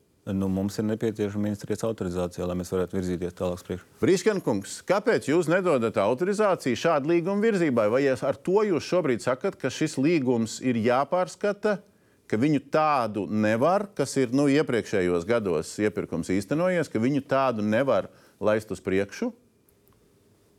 Nē, Šī ir korekta pieeja, ņemot vērā, ka mēs pēc brīža noslēgsim Latvijas vēsturē lielāko būvniecības līgumu. Es vēlējos būt pilnīgi pārliecināts, ka mēs zinām, kā mēs vadīsim riskus šādā milzīgā iepirkumā. Es neesmu gandarīts par to, ka mums Latvijas vēsturē lielākajā iepirkumā ir tikai viens pretendents. Tas liek uzdot jautājumus par to, cik kvalitatīvs ir bijis pats iepirkums, bet nu, pieņemsim, ka konsorcijas ir pietiekami kvalificēts. Darbi varētu jau tagad ziemas sezonā, sagatavojot būvniecības bāzi, iecavā uzsākties. Tālāk jau nākamajā būvniecības sezonā arī varētu sākties uzbēruma darbi. Bet man ir svarīgi saprast, kā visa šī kopējā projekta ieviešanas struktūra, kā viņi menedžēs šos riskus. Mēs runājam par pēc brīža. Jūs sakat, pēc brīža būs jūsu akcepts tai parakstīšanai. Pēc brīdis ir cik garš? Mēs šobrīd esam jau ministra kabinetā iesnieguši informatīvo ziņojumu. Ir divi informatīvie ziņojumi. Jā. Viens ir saistīts ar šo pamatlīnijas būvniecības līgumu, lai satiksmes ministrija varētu dot autorizāciju līguma slēgšanai, un otrs ir par šo lielāko, gan scenārijiem, gan pārvaldību, gan finansējumu. Ir cieši. Respektīvi, jūs gribat, lai jūsu autorizāciju autorizē ministru kabinets? Nē, es vēlos ministru kabinetu informēt, lai ministru kabinets arī pieņem zināšanai. Protams, es vēlos arī, uh, lai gan Finanšu ministrijas, gan Tieslietu ministrijas, citu ministriju liekam visas galvas kopā, kā komanda, vērtējam riskus, uzliekam jaunu pārvaldības uh, ietvaru. Brīskankungs, Vitenberga kungs klusa saka stiepja gumiju. Es vienkārši pa, pa, paskaidrināšu. Vienkārši iepirkums ir ilgs divus gadus. Tas, ka es esmu paņēmis pāris ekstra nedēļas, lai pārliecinātos par risku pārvaldību, es nedomāju, ka to var saukt par gumijas stiepšanu. Tad par gumijas stiepšanu sauciet iepirkumu, kurš vilkās divus gadus. Un kurā ir tikai viens otrajā kārtā kvalificēts pretendents. Otru valsts drošības dienas diskvalificēja, bija divi. Jā, un iepriekš diskvalificēja vēl vienu. Nav, nekāda, nu, nav tur nekāda liela raķešu zinātne. Tas, kas uh, par ko mēs vismaz no savas puses vēlējāmies pārliecināties. Tā ir papildus ekspertīze. Restīvi mēs parakstam līgumu par 3,7, pat par 4,4 miljārdiem bija PVN rēķina klāta. Un, uh, mēs apzināmies, ka mūsu kontā šādas naudas nav šajā brīdī. Bet līgums jau jūs pats atzīstat, līgums jau neprasa šo naudu maksāt, ja kontā nu, naudas nav. Tā ir četras otļaujas, pa kurām uzņemās saistības. Nē, nē, nē, tā ir taisnība, jā, bet tātad viss, ko mēs lūdzām papildus pārbaudu par to, vai tajā brīdī, ja mēs pārtraucam līgumu tādēļ, ka nav naudas, vai valstī nerodās pienākums no nodokļu maksātāja naudas, sek kādas papildus, uh, papildus izējas, mēs laikam saucam mobilizācijas, vai kā tā nauda saucās. Restīvi, tas ir vienīgais risks, par ko mēs vēlējāmies pārliecināties. Un, tātad nākamajā otrdienā valdības sēdē tas visticamāk tiks apstiprināts. Ja, ja šādi juristi apstiprinās, ja, ja juristi apstiprinās, kad. Kuri juristi? Uh, nu, tie, kas pārbauda līgumu, tātad. Ka, uh, Kuri vēl juristi pārbauda? Nu, ir valsts kancelē, tieslietu ministrija. Vēl kancelē, un, vēl tieslietu ministrija pārbauda. Nu, es atvainojos, nu, ne, bet, bet piedod, nu, tas, tad, nu, tas taču ir jēdzīgi, ka mēs noskaidrojam gadījumā, kad, lai valstī nerodās no tā nevajadzīga zaudējuma, gadījumā mēs nevaram izpildīt to, ko mēs ne, Es par riskiem vienkārši gribu pārprasīt, vai Vingrkungam vai kuram citam, kas zina, vai nav tā, ka vēl viens risks ir, ka tie franči, itāļi, poļi, tas viss tas veidojums, viņš aiziet prom un pasaka, ka mēs šito gumijas stiepšanu vairs negribam uh, te redzēt un vienkārši viņu nav, un viņi neparakst līgumu. Tas, tas arī ir risks. Tā var gadīties, jā. Un, un vēl viens risks ir tas, ka mums ir uh, tuvākā laikā jāpiesakās uz CEF10 uh, uzsaukumu. Latvijai kā valstī ir jāparāda pietiekams progress arī pamatrases uh, būvniecības uzsākšanā. Un progress būtu šis, šī līguma noslēgšana. Progress būtu šī līguma reāla noslēgšana. Jau... Jūsu versija kaut kā baigi dabūna pretargumentu šitien, ka neslēgt tādu līgumu vai kaut kā vēl pastietgu. Nu, man šķiet, ka pirmām kārtām jau būtu uz būvprojektiem jāapskatās, cik tad ir to būvprojektu un cik tā cena, ko ir pretendenti piedāvājuši, ir nu, ticama. Ne, bet te ir runa, ko Vitsenbergs saka. Te ir četri konkrēti posmi, četri četras, četras, četras būtļaujas, un ir šī summa, kas jau tam ir piešķirta piecās, lai varētu būvēt, sākt beidzot pamattrasi. Jā, tas jau nav 3,7 miljoni. Šo atbalsta centru tie nebūs 3,7. No. Tās ir četras, četras eh, būtļaujas, kuras ir ļoti svarīgas, jo Eiropas Savienībai ļoti nepatīk, ja viņi piešķir līdzekļus, un mēs cīnāmies ne tikai ar uh, Lietuvu un Igauniju, tas tā arī ir, bet arī citām Eiropas valstīm. Viņi skatās, nu, ja piešķirt naudu, viņi stāv kontos, ir liela riska, ka viņi nepiešķirs nākamo. Ja, tā, mums ir vajadzīga augsta gatavība, mums vajag nekavējoties uh, šits, uzsākt uh, kaut kādu progresu saistībā ar pamatlīniju. Šis viss ir brīnišķīgi, bet ziņojums parādījās pagājušajā ceturtdienu šķiet. Stiepu gumiju. Nu, es nemāku pateikt par gumijām neko daudz. Nu, Briškēns uh, bija vesela nedēļa Dubajā. Acīm redzot, tur arī tā kavēšanās bija. Labi, izrunājam par līgumu. Atgriežamies lūdzu par to, ko tālāk darīt, cik racionāli, kādās fāzēs, kādos posmos, kādos sliežu skaitos ar Rīgu, ap Rīgu, bez Rīgas un tam līdzīgi. Valničkundze nu, līdzīgi. Bet tikai šeit paskatoties, nu, ka principā nu, nevar tā, ka atbrauc divas sliedas līdz robežai un tad no robežas aiziet vienas sliedas. Ja? Tas ir diezgan svarīgi ne, šajā mirklī. Kā jūs redzat šobrīd šo situāciju? No vienas puses nauda, no otras puses projekts, kam nu, divi savienojumi dienvidos ziemeļos. Eh, tas, ko mēs šobrīd arī darām, mēs atjaunojam uh, projektu, visu kopējā Baltijas projekta iegūmu izmaksu analīzi. Tas nozīmē, ka mēs, uh, tad, kad šis, šī analīze tiks pabeigta, tad mēs redzēsim, kā tas projekts izskatās kopumā, bet jau šobrīd. Pabeigsim vēl pēc gada. Nē, krietni ātrāk, nākamā gada sākumā mēs redzam, kad viņš jau būs galā. Un, bet šogad jau pirmo, tagad mēs jau esam saņēmuši tādus pirmos ziņojumus par projektā ekonomiskajiem ieguvumiem un kādi tie būtu. Un, man liekas, šeit ir ļoti svarīgi to atzīmēt. Jā, mēs būvējam dārgu, ātrgaitas dzelzceļa infrastruktūru. Uh, megaprojekts ar ļoti lielām, uh, lieliem sākotnējiem ieguldījumiem. Bet no otras puses mums ir arī uzreiz jāskatās, ko mēs no tā iegūsim. Uh, mēs iegūstam savienojamību ar Eiropu. Mēs iegūstam iespēju integrēties. Iegūsim mēs tad, kad mēs to uzbūvēsim. Paliekam pie tā jautājuma. Mēs taisām ieguvumu analīzi. Jā. Analīzes mums jau viena mēs tikko noskaidrojām, un, un tā nebija vienīgā, izrādījās greiza. Uh, nu, labi, varbūt šī tā būs mazāk greiza. Uh, bet uh, šobrīd, tas, vai jūs jā, bet... redzat līdz tam mirklim, nu, kādas starp septiņiem variantiem krāsiņām, es nezinu, vai jūs esat redzējis to bildīti krāsiņām iekrāsotajiem. Uh. Nu, ko darām, ko nedarām? Ir, ir liels pilns projekta tvērums, ar ko viņš atšķirās no 17. gada. Tātad klāt ir nākušas reģionālās stacijas, kas Jā. 17. gadā nebija. Jā. Jā. Vai izstāstīt par noslēpumu, kas pieņēma lēmumu par reģionālām stacijām? To gan es nevarēšu. Laikam. Vai kāds ir pateicis? Šis labs jautājums. Jā. Kurš pieņēma lēmumu, ka vēl vajag reģionālās stacijas? Viņa kaut ko zina pat par to 16, 16. Viņas nesauc par stacijām. Tur tas smalkākais, tas formēs multimodālie centri. Punkti. Multi, kurš pieņēma, kurš pieņēma lēmumu? Labs jautājums. Viktorīna studijā. Kurš zina? Es labprāt varu uzņemties. Bet manuprāt, ļoti labs lēmums. Jūs uz, pie, pieņēmāt lēmumu? Es, es ļoti labprāt par, par Latvijas pusi varu uzņemties, bet uh, vienlaikus tā, tāpat arī uh, to darīja Igaunijā un Lietuvā. Arī tur ir reģionālās stacijas. Tas ir papildus. Uh, 16 stacijas. Nu, jā, bet, bet, jā, bet, punkts, bet, bet, uh, ir, bet kas vainas nu, šitai te bildēji? Nu, kas, kas vainas, ka mēs tās stacijas tur izveidojam? Jo, jo šīs, jo šīs ir... stacijas ne, ne, ir nepieciešams, es, lai pēc iespējas intensīvāk izmantotu Real Baltica. Es visu šo ļoti labi saprotu. Mēs, es labprāt vēl arī kādu lidlauku pieprojektēt klāt. Es tikai vienkārši nē, ja jūs uzskatāt, lieta, ka mums ir vajadzīgs tikai... Nē, bet es arī... Ir, es uzskatu tāli, kurš to samaksās, lūdzu, kurš to samaksās. Es nezinu, Eiropas komisija šo rēķinu nemaksās. Latvijas iedzīvotājiem, tagad mēs sāksim likt uz, uz budžetā, sāksim likt miljārdus iekšā. Tad es gribu redzēt, kāda būs reakcija no publikas, Labi. kādā veidā to samaksāt. Labi, es, es personīgi esmu gatavs ir... atbildību par reģionālām stacijām, lai, lai, lai ne, ko tur kāds vien jums jāuzņemās atbildība par šādu par, reģionāl, par, par reģionālām stacijām es esmu gatavs uzņemties atbildību, jo, manuprāt, tā ir gan reģionālā attīstība, tā ir gan savienojamība, tā ir arī intensīvāka Real Baltica trases izmantošana. Es ceru, ka tad, kad būs ieguvuma analīze, tad tā arī uzrādīs, ka tur ir, ir efekts. Jautājums, kā Un to finansēt? Pašu multimodālo pārsēšanās punktu Ir finansēšana. kungs, kā to finansēt? Ir, ir jau mums, ir jau mums e, Vienkārši, satiksmes ministrijas budžetā Eiropas Savienības fondu nauda ir rezervēta multimodāliem pārsēšanās punktiem, lai mēs kungs, varētu šo vienkārši visu nofinansēt. Igaunija paziņoja, ka uzcels šo projektu par 3,3 miljārdiem. Jūsu projekts, atvainojiet, tālu ir no šīs cenas. Ko tik vēl no es nesaprojektēju? Nu, līdz, nu, lūdzu, nav tās naudas. Nē, nu, Tā ir tā labā laikam ir jāpārāk, ka, ka reģionālā stacija izmaksa nav nebūtu tā dārgākā pozīcija. Viņa salīdzinoši Cik tiešām viņi ir dārgi? No, kop, pavisam no kopējām projekta izmaksām, ja es nemaldos, tie bija kaut kādi 11%, nu, kas, kas, kas nav daudz, ja šīs reģionālās stacijas. 11% tur beigās miljardiņš var sanākt. Protams. Es runāju kopējā projekta ietvaros šobrīd. Nu, protams, es, es nu, nevaru, jā, jā. Jau- nodalīt no Šobrīd Latvijas, Eiropas dzelzceļa līnijas jau veic projektēšanu. no Bet- Es atvainojos, kavējumi ir tieši šī dēļ, sadārdzinājumi tieši šī dēļ. Nu, ti- Lielākās izmaksas ir pati pamattrase, pam, pamattrases būvniecība. Un, un, protams, ja mums ir mazāk reģionālās stacijas, mums ir vienkāršāk arī nu, nu, tāpat bet pamattrase. noprecizējam. Tās izmaksas šeit mēs Bet- varam. bet noprecizējam. Bet, bet, otra, bet ļoti svarīgs aspekts ir saprast to, ka mēs būvējam šo ļoti, eh, ļoti nu, dārgu šobrīd ja, infrastruktūru, bet tad mums viņa arī maksimāli ir jāizmanto.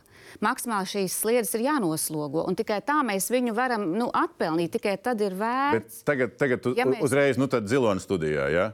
vai šo pasākumu kaut vienā aprēķinā ticamā var atpelnīt vispār bez dotācijām, uzturēšanā, tīkla uzturēšanā, vilcienu uzturēšanā, vai tas vispār ir komer komerciāli rentabls, būsim godīgi. Redz, kamēr tas bija 1,9, tikmēr tam ir uh, bija Jā, jā, jā, kas jā, jā, saprotams. protams. Tagad, kā ir aizgājušas izmaksas, kuras par, ko, kur, par kurām neviens neuzņemās atbildību, kāda viņas tā ir aizgājušas, tad, tad to gan mēs šobrīd vairs nezinām. Mums saka, varbūt nākamā gada sākumā kāds kaut ko sarēķinās. Tā ir baigā problēma šajā visā lietā.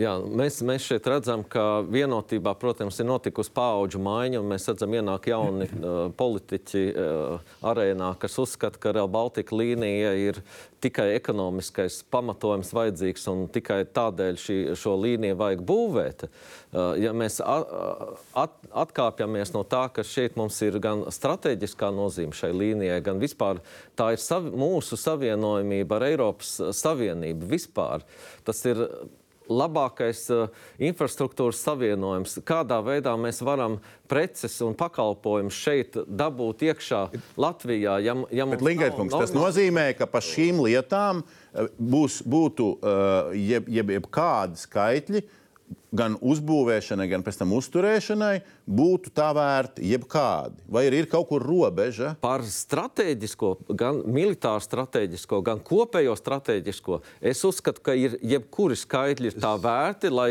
mūs savienotu ar Eiropu. Bet, protams, ka tad, kad, tad, kad mēs uh, projektējam šo trasi, tad, kad mēs izvērtējam dažādus uh, infrastruktūras elementus, kas ir vai nav, protams, ka mums ir jāskatās racionāli. Mēs, ka mēs jāstāsta. šeit neveidojam kaut kādu zelta trasi. Katrs šis te. Nu, šo, šobrīd vēl. Labi, labi ska- doma skaidra. Ašrādien, bet, bet, bet, bet noprecizējam vienu lietu. Jūs sakat, nedos to naudu Eiropa. Bet ja mēs tagad Nav. ģeopolitiski padomājam, nu Eiropai, ja viņa vispār grib uzturēt stiprumu, nu viņai būtu šim projektam Tas ir jādod. viens no Nešaubīgi, Eiropas strateģiski bet- nozīmīgajiem projektiem. Viens no kādiem astoņiem. Es, uh, tur jau tas mans izmisums par to ir, ka uh, viņš ir ļoti, ļoti svarīgs projekts. Ļoti, ļoti svarīgs projekts. Viņš ir arī militārai mobilitātei ļoti svarīgs. Ir tā, kā viņš ir vilkts garumā, šaubos, vai nu, es ļoti ceru, ka līdz 30 gadam to dabūs gatavu. Tikai es vēlreiz atgādinu, ir tie paši Igauni, kur ir uh, tieši tādā pašā drošības situācijā kā mēs, optimāli risina šo jautājumu. Savukārt mums ir nomuļāts kaut kāda visvisādi pagrieziena, tur pa labi, pa kreisi uh, stacijas. Tur ir, tur ir Igauni nokoncentrējušies skaidri un gaiši, uh, izpildīt savu pienākumu pret pārējām Baltijas iedodam, ļaujam Kalvāns kundzei šito pateikt. Ļaujam, ka jūs strādājat, nu cik nu šobrīd tajā stadijā un līdzinājā stadijā ar Igauni un Lietuviešu kolēģiem. Vai ir tā, ka Igauni strādā racionālāk 3,3 vai cik miljardi, un mēs esam vienalga, vai tie būtu 6 vai 7,5 vai 8, bet būtiski neracionālāk. Nu, valsts drusku lielāk. lielāka un trases garums drusku garāks jāatzīmē. Nu, cik tad ir garāk? Drusku. Es Nu, drusku, drusku, tad- drusku. Bet Igauniem sākotnēji. Ļaujam Kalans kundzei pateikt, cik tālu jūs redzat šeit? Ziniet, tad, kad mēs pēdējo reizi ar kolēģiem uh, kopā satikāmies uh, runāt par projektu progresu un, un, un riskiem, to mēs darām reizi pusgadā, tas bija šī gada maijā Viļņā, tad uh, visām pusēm bija cipari par sadārdzinājumiem. Es gan nepateikšu no galvas, uh, cik, uh, cik tie bija atšķirīgi no mūsējiem. Mums bija- mums- noprecizējam, Es rītā no- publikai no- šito izstāstījumu. jā, Tas būtu vērts. Jā, mūsējais cipars arī bija citādāks nekā mēs minam šodien. Bet tas, kas mani pārsteidz, Pagaid, bet viņš bija starp 6 un 8. tuvāk pie 6 nekā pie 8. Labi. Eh, Bet, eh, eh, bet tā nedrīkst būt, ka mums nav skaidrs, kas ir projekta tvērums. Nu, ka tas, ka mums nav skaidrs, kas ir projekta vadītājs, ir pārsteidzoši. Ja? Eh, Ka mums nav skaidrs, kas ir projekta finansējums, arī ir, ir, ir milzīgs. eh, Ja? Bet, bet mums ir jābūt eh, skaidram projekta tvērumam, un mums arī ir jāapzinās, ko, nu, kā, kādas tam ir konsekvences. Ja es kā auditors un arī kā Latvijas iedzīvotājs un nodokļu maksātājs, es noteikti gribu, lai manā valstī ir moderna uh, dzelzceļa sistēma. Bet tajā pašā laikā man uh, ģimenē māca, ka fantāzijas nevienmēr ir jājauc ar realitātēm, bet jācer uz labāko. Līdz ar to es domāju, ka uh, projekta tvērums ir uz kritiskā ceļa. Uh, Tur mums ir jāatrod labākais risinājums. Jābūt drosmīgiem, jā, lai mēs eh, tiešām esam moderni, eh, bet, bet, bet, bet vēl ir arī jātiek skaidrībā, kas un kā to dzelzceļu lietos. Un kādreiz uh, ministrs Linkaita kungs man mācīja, ka uh, pirms trases lietošanas vismaz divus, trīs gadus iepriekš ir, ir, ir, ir, ir, ir, ir, ir par šo ir jābūt uh, skaidrībai. Kā to trasi lietos, kā mēs viņu, kā teikt, apsaimniekos. Šobrīd Cik daudz- skaidrības, kā lietos, nav. E, nav, un es gribētu teikt, no mūsu skatu punkta raugoties, tas ir lielākais šī projekta risks. Tieši tas, kā lietos lielākais. Tie- Tieši tas, kā apsaimniekos, kā lietos, kā maksās, cik ilgi būs dotācijas, cik lielā apmērā, kā dalīsim starp dalību valstīm. Ja, tā, vienīgais, par ko ir vienošanās, ka angliski e, kā teikt, e, lietosim šo, šo trasi. Bet tā ir ļoti nopietna lieta, un speciālistiem arī šis jautājums ir jāatrisina un jānodrošina, lai mūsu valsts iedzīvotājiem būtu moderns. Efektīvs dzelzceļš. Nu, tagad esošiem ministriem primāri šis jautājums ar visiem pārējiem ar komentāriem. Vakar valdība neizskatīja divus informatīvos ziņojumus. Vienu par pieminēto līgumu par pamattrasi ar cenu līdz 3,7, bet pa, pa posmiem, un otru par Kalvans kundzes pieminēto tvērumu un īstenošanas plāniem. Tur tik tālu nevar saprast, vai tas varētu būt arī par to tālāko apsaimniekošanu, uzturēšanu un visu to pārējo. Nu, tad, Briškana kungs, tad ko mēs, nu, ja jums premjeri akceptēs virzību uz nākamo otrdienu, tad ko mēs ar kādu tvērumu nākamnedēļ otrdienu valdībā pēc jūsu ierosinājuma akceptējam? Jo būtu loģiski, ka mēs akceptējam tvērumu komplektā ar pamatrases līgumu. Atvainojos. Un, Jā. eh, Vēl mums būtu svarīgi, ja mēs valstī ko strateģiski plānojam, pie tajām burtiem likt klāt arī ciparus. Nu, tam tvēramam klāt budžets. Tvērumu cipari. Brīškana kungs, uz ko mēs ejam nākamā otrdiena uz valdību? Mums eh, pirmdien eh, koalīcija veidojošo partiju sadarbības sanāksmē bija ļoti padziļināta diskusija. Un man ir prieks, ka visas koalīcijas partijas atbalsta Rīgas integrāciju. Mums nav šaubu par to, ka mēs kā Latvija cīnīsimies eh, par tādu maršrutu jau projekta pirmajā fāzē, eh, kur eh, vismaz daļēji Rīga būs integrēta. Es virzu uh, modeli, kas paredz šo caurbraucošo pamatlīniju, kā alternatīva tiek izskatīta iespēja, uh, ka teiksim, tiek būvēts šis krava apceļš, pievads lidostai, un tad mēs meklējam, piemēram, PPP vai citiem instrumentiem, kā savienot arī Rīgas centrālo staciju un tālāk. Uh, attiecīgi, šobrīd primāri vērtējam maršrutus, kas paredz uh, Rīgas integrāciju. Tas ir ļoti svarīgi. Otra lietiņa, arī es piekrītu valsts kontrolas uh, kolēģei par to, ka projektā nav viena atbildīgā. Var, protams, četrus gadus autopilotā ministrēt, nevienam neko nestāstīt un tagad gudri spriedelēt par ģeopolitiku, bet dienas beigās es redzu to realitāti. Es, es nevaru ar rungu atzīt uz, uz jūsu studiju, Dombrovkungs, savus ministrijas ierēģus, bet es redzu, ka ir ārkārtīgi augsta sadrumstalotība. Un tieši tāpēc es esmu paņēmis šīs papildu dažas nedēļas, lai pārliecinātos, ka arī šo milzīgo 4 miljardu būvniecības līgumu mēs varēsim pāraudzīt kvalitatīvā veidā, tehniski, Labi. naudas ziņā novēršot arī korupcijas riskus, drošības riskus. Šis ir milzīgs 4 Nu, jā, mēs šobrīd ne, vēl aizvien nevaram redzēt, kas tajā projektā ir. Ašrādenkungs, vai, vai jūs bijāt pirmdien šādā sarunā, un vai jūs viņu interpretējat, ja bijāt uh, līdzīgi kā satiksmes ministrs? Hmm. Līdzīgi, jā, man, no mana viedokļa ļoti svarīgi, beidzot, ka projektam ir vadība, kura atskaitās valdībai par rīcību. Te tiek runāts par cik viss ir brīdis. Kāda būs tā vadība? Piedod, lūdzu, nu, kaut kā viens jautājums. Bet vadība kāda? Es vienkārši domāju, nu tagad ir uzņēmumi. Es atvainojos, projektu vadītājs, kurš atskaitās par visu kopā. Jo šobrīd ir viens par to, viens par to, viens par šito.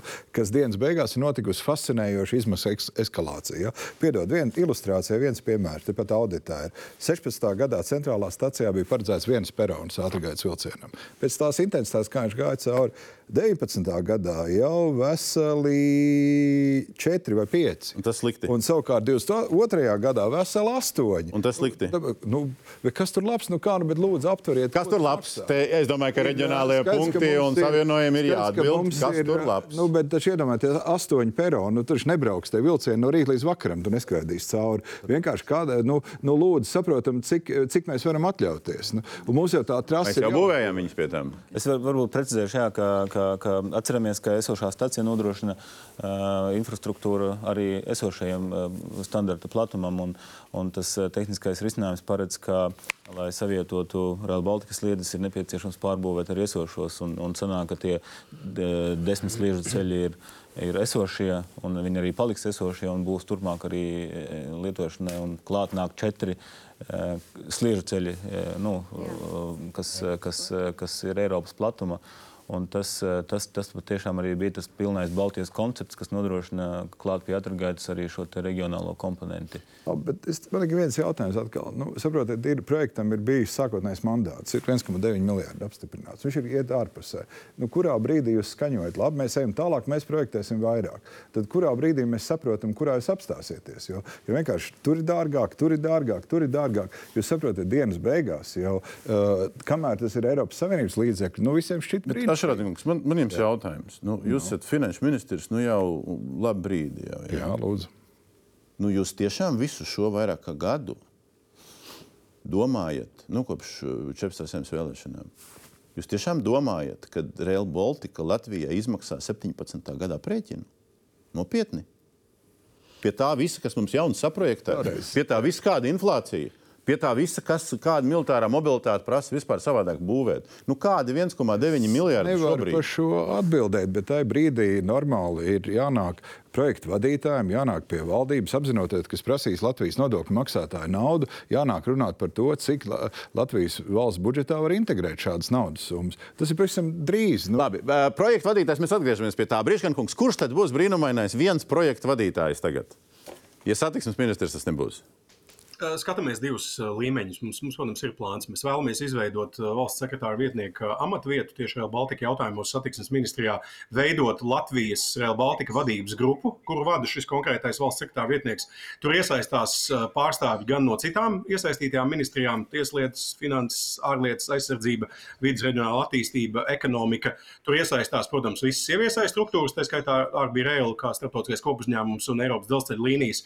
Un vienlaikus darbojās šī ministra kabineta tematiskā komiteja, satiksmes ministra vadībā, kur jau, protams, politiskā līmenī pie galda sēžās jau ministri, eh, kas, kas ir atbildīgi par nomām. Svarīgi ir, un par to mēs signalizējām jau 2019. gadā, šo projektu pacelt ārā no vienas nozares. Skaidrs, vārds uzvārds ar mums ir tam valsts sekretāra vietniekam jaunajam jau zināms, kas tas būs. Būs jāveic atlases, šobrīd nav. À, tad vēl konkursi un tad vēl meklēsim. Ja? Skaidrs. Kāpēc neieviesāt šādu lielisku risinājumu, kas visu atrisinās? Nu, protams, es arī ironiju to jautāju, jo viens jauns valsts sekretāra vietnieks, kurš tagad visas pārējās ministrijas regulēs, ieskaitot ha, finanšu ministriju. nu, es, es, es jau stāstīju par to, ka Manā, manā laikā tika ieviesta šī starpministriju sadarbība, ja, kur es teiktu, labi strādāja, kur piedalījās tiešām ministri. Es nezinu, kādēļ viņi pārtrauca savu darbu, kāpēc arī esošajos mēnešos viņi nav bijusi sasaukti. Tā ir tematiskā komiteja minētā. Nu, jā, bet ir cik mēneši pagājuši. Viņi ir, uh, bija vienkārši jāturpina. Nepatīk Vitsenbergs, nu nomainām, izvietojam Vitsenbergu, ieliekam Briškenu un uh, šaujam priekšā. Tas ir beidzies. Un šeit es gribētu teikt, ka. Tā karte, kas ir mums trases, ja, tad viņi ir jāpadara maksimāli jēdzīgi tādi, lai tur būtu lielāki lielākie ieguvumi mūsu, mūsu tautsēmniecībai, mūsu cilvēkiem. Jo nu, būsim reāli. Bauskā vajag staciju, lai aizbrauktu no Bauskas uz Rīgu. Ja? Arī nu, to, ko es dzirdu, ir jāpārstāj runāt eh, tās muļķības, ka caur Rīgu neies, eh, neies trasē. Tad, nu, iztēlojoties Lietuvu, lai lietuvieši pieļautu situāciju, vispār sākt runas par to, ka eh, uz Viļņu varētu neiet šī trasa nekad. Ne, par nekad. to mēs nerunājam šobrīd. Šajā, mēs par to, kā gadījumā, novadīt projektu. Nē, šajā gadījumā vajadzētu arī aktivizēties gan prezidenta, premjeras līmenī, runāt arī, es teiktu, tādā daudz savādākā intensitātē ar Eiropas komisiju, ar Eiropas Savienības pārstāvjiem par šo jautājumu. Tā kā te ir runa, kas mums ir jāizsaka the not to National jāpabeidz projektēšanas, jāsagatavo projekts, lai mēs spētu pieteikties uz maksimāli lielu pareizi jautājums, kurš bet, ko dara. Bet mums ir jācīnās pretī, lai šo projektu aktualizētu, piesaistītu Somiju. Somija NATO iestājusies, arī viņiem ir, nav savienojums ar Rietumu Eiropu. Ja, kā, tam ir jāiedod jauna, jauna, jauna dvaša. Jā, jūsuprāt, tas... nevajag visu to Briškankungu rosināto jaunu tur vajag klāt, tur vajag ministru klāt, tur vajag uh, uzraudzību tam, jo ministra klausās. Nu, valsts sekretāra vietnieks, nu, ko viņš izdarīs? Viņš aizbrauks uz Igauniju, pie Igaunijas ministru, viņš aizbrauks uz Eiropas. Lietuva Lietuva un Igaunija, viņiem ir šāds viens vadītājs pāri par vietējo būvētāju, nu, respektīvi vietējām līnijām. Un, Līdzīgi ministrijās ir nozīmētas atbildīgās personas, ar kuriem mēs. Personas? Jā. Pa vienai.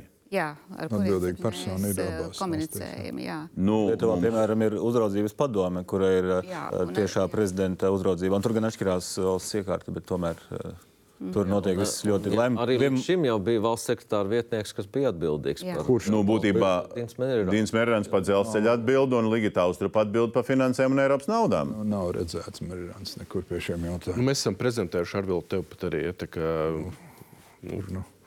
Vitsenbergs runāja tiešām, Merāns neesmu dzirdējis, nekad izsakāmies par šo. Tad, uh jāsaka kontakts. Bija piebildes par šo?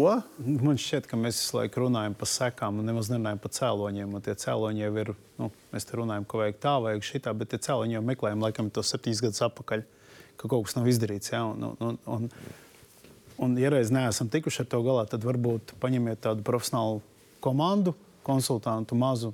Nav svarīgi, viņi ir ministra vietnieki vai, vai kas viņi tur ir, ja? bet, bet ka viņi ir uzcēlušienes piecus dzelzceļus, novadījuši šos projektus, nu, kāda inženieru konsultantu komanda. Un novienoties, pa cik viņi to darbu izdarīs un kā viņi to izdarīs. Un tur diez vai būs vajadzīgi valsts sekretāra vietnieki un vēl vesela kaudze ar mm, tādiem laikam politiskiem amatiem. Iedodiet, Nē, tie ir speciāli. Nu, jā, administratīvi. Ar jūs iedod. to sakat, ka tas, kad ierēdnim kļūt par šī projekta vadītāju, nekā labi tu nebūs? Nu, noteikti nē, jo jau daudz ierēģiņu to dara laikam nu, tad priekš kam vēl klāt? Man šķiet, ka būtu labi paņemt privātu organizāciju, kura atbild ar savu, ar savu kaut kādu reputāciju, kur atbild ar savām finansēm, kurai ir pienākums strādāt. Nu, apvienojiet inženierus, nu, varbūt vienu juristu un, un, un, un, un uh, cilvēks, kas to ir darījuši. Un mēs taču zinām, ka Eiropā to ir diezgan daudz valsts šos projektus realizējuši. Nu, tad uzticiet privātiem biznesam to izdarīt. Brīškankungs, ko jūs atbildat uz šo? Nu, nemulsinot sabiedrību, ierēdnis jau neies operacionālā līmenī līguma menedžēt vai, vai ar lāpstu būvbedrē stāvēt. Skaidrs, ka mums ir Eiropas dzelzceļa līnijas, kas būs līguma turētājs. Tur ir, protams, arī autoru uzraudzība, tur, protams, ir šis konsorcijs, kas būs būvnieks. Tad ir Arbīra Rails kā kopuzņēmums, kas uzrauga kopuzņēmumu darbu. Tad savukārt ir šī Latvijas tehniskā vadības grupa, lai mēs beidzot varētu pieņemt lēmumus kaut kā koordinēt. Un tad, protams, ir politiskā virsuzraudzība kur galvenais atbildīgais ir satiksmes ministrs, bet iesaistās arī citi ministri. Premjerā arī virsuzraudzībā. Tā ir tāda normāla ķēde. Jā, tas ir vēl viens līmenis klātajā pāraudzībā. Tas, arī... tas nav vēl viens līmenis, tas ir cilvēki, kuri beidzot ir par kaut ko atbildīgi. Es esmu trīs mēnešus noraudzījies uz to, kā visi vienkārši nobeidzina atbildību. Neviens par ko nav atbildīgs. Īpaši satiksmes ministrijā. Jā, pašam klāt, nu ko tur. Nu, es jau esmu ķēries klāt šajos trīs mēnešos. Ir vairāk atklātības atnests par šo projektu nekā pēdējos četros gados. Nu, nu. Labi, priekšvēlēšanas vēl nav sākušās, tāpēc šito neattīstam. Bet eh, šobrīd tad, finanšu ministrs uh, saka šim jāvārdus gan no tās konstrukcijas viedokļa, gan no visu to plānu viedokļa. Nu, vismaz eh, tas, ko mēs gribētu redzēt, viens cilvēks, kas tur visu šo projektu kopā, viņš ir nu, ministrs piedāvāja šādu risinājumu ļoti labi. Nu, patiesībā tā problēma ir vēl dziļāka. Man, manuprāt, ir, ir jāskatās, ka mums Latvijā eksistē dzelzceļa struktūra. Šis projekts ir totāli dezintegrēts no esošās dzelzceļa struktūras. Būtu jāvērtē kopā nākotnē, kas 30. gadā, man liekas, kāds jau uzdeva to jautājumu, kas tieši sēdīsies pie tā vilciena stūres vai tos vagonus tur bīdīs un tā tālāk. Tas vēl nav zināms. Un, ja tas būs Latvijas dzelzceļš, ja tas būs Latvijas dzelzceļš, kas, manuprāt, par to būtu jādomā, vienkārši mums ir dzelzceļš, kuram būtu austrumu un rietumu platums sliedes. Un patiesībā arī Eiropas komisija lūdz Latvijas dzelzceļam izstrādāt plānu, kādā veidā pāries uz šām sliedēm. Tad arī jautājums jāstāsta, kāds integrējas ar Latvijas dzelzceļu. Jā, tas ir Eiropas komisija lūdz 25. 25. 26. gads. Tas ir tūlītās patās. Tas ir jau jā, jā, jā, nu, tas ir mm, kā kurā jautājumā. Jā. Zem, zemju atsevināšana nelis tādiem. Jā, ne, jā, bet ir vēl viena lieta. Ir, nekad tāda īsta dialoga starp Latvijas dzelzceļu un Nerbiju Reilu nav bijis. Un tas, ko saka Latvijas dzelzceļa cilvēki, ļoti daudz lietas var daudz optimāli izplānot caur vecām, vecajām esošajām. Taisnība, ka nav bijis dialogs. Uh, taisnība ir tā, ka šīs daudzas lietas mēs esam daudzus variantus. Viņi ir skatīti tajā priekšspētes fāzē un analizētas dažādi, dažādi varianti, kā var optimizēt. Arī šajā skaitā izskanējuši pēdējā laikā varianti par to, ka varbūt izmantojam esošo dzelzceļu eh, vairāk. Un, bet Tad, nu, jūs apgalvojat, ka tas ir. Nu, man ar avoti no dzelzceļa saka, ka nevēlna, ka mēs, mums stāv vēl aizvien atvērts jautājums vispār, vai uzturēšanai jā, jāveido un jābūvē divas jaunas kompānijas, Pēc. vai vispār kaut kas racionālāk jāliek kopā. Tas ir uz galda. Dzelzceļnieku biedrība sazīmē visādus variantus, kā to Rīgas lietu risināt. Es saprotu, jūs tur visu laiku viņiem solat, ka, solat, ka būs tikšanās. Nav tikšanās. Nē, šie Tā, varianti ir kādreiz jau vērtēti un analizēti un pētīti, un, un tas nav nekas jauns, ko, ko, ko nebūtu. Bet rezultāti nav. Ir vērtēti, rezultāti pētīti, ir tādi, kāds, kāds šobrīd ir piedā, piedāvātais tehniskais bet, risinājums. Tas ir tas rezultāts. Nu, jā, bet mēs Protams, neesam mega valsts, kurā taisnība. ir mums jātaisa divi dzelzceļi. Latvijas jaunais dzelzceļš, Latvijas vecais dzelzceļš. Ne, par pārvaldību. Tas, šis jautājums ir aktualizēts jau tajā laikā, kad Briškina kungs strādāja arī uh, Arbija Reilā. Mums, mums uh, ir tika veikts pētījums par to, uh, kā labāk pārvaldīt šo jauno infrastruktūru. Uh, un tā, ka viņš tika prezentēts visām trim Baltijas valstīm, diemžēl mēs saskatām saskārāmies ar, ar pretēju viedokli uh, uh, valstu ministrijās atbildīgajās, jo joprojām mums ir ļoti grūti pārvarēt tas, ko mēs jūtam katrā valstī, ir ļoti grūti pārvarēt to tādu nu, protekcionismu vai, vai savas esošās uh, ierastās sistēmas tā, tā vēlme. Protams, un tā tas arī būs, un, un tā tas arī paliks. Tas, tas, tas, ko mēs veidojam ar Real Baltiku, tas ir kaut kas, kaut kas jauns. Tas ir tas, kas atbilst Eiropas Savienības uzstādījumam un vīzijai par vienotu integrētu uh, dzelzceļa sistēmu. Mēs viņu veidojam kā vienu koridoru, lai pasažieriem būtu ērti nokļūt no, no, no Tallinas uh, uz Rīgu, tālāk uz Kauņu un, Jā, un, un par Berlīnu. to mēs visi, kas nokļūs un nenokļūs, Jā. maksāsim. Skaidrs, mēs ka mēs te, bet... skaidrs, ka mēs te, un jautājums ir, vai mums ir nauda, kā saka finanšu ministrs. Taisnība. Un, un tas jautājums ir, līdz ar to es gribētu noslēdzot šo, šo sarunu. Uh, nu, redzēs, cik kāda ir atbildes īsajā versijā, jo skaidrs, ka mēs paliekam uz kaut kādu pusvārdu. 30. gads šobrīd ir iezīmēts nu, kā kaut kāds atskaites punkts. Un kaut kur neformāli arī vispār skan kaut kāds stāsts, ja līdz 30. gadam mēs nebūsim kaut ko izdarījuši tad mums kaut kāda nauda var atpakaļ paprasīt. Nu, varbūt, kad es eh, te domu aizsagu laižu, bet nu, lai nu būtu. Tas jautājums ir, vai mēs šobrīd varam nodefinēt, nu, kurš var, kas ir plāns minimums, kas mums ir vajadzīgs līdz 30 gadam. Un nu, kaut ļoti aptuveni, cik tas maksā. Vai jums ir šāds uzstādījums? Mums ir uzstādījums līdz 30 gadam mēģināt panākt to, ka Baltijas valstis ir savienotas ar uh, Eiropas tīklu.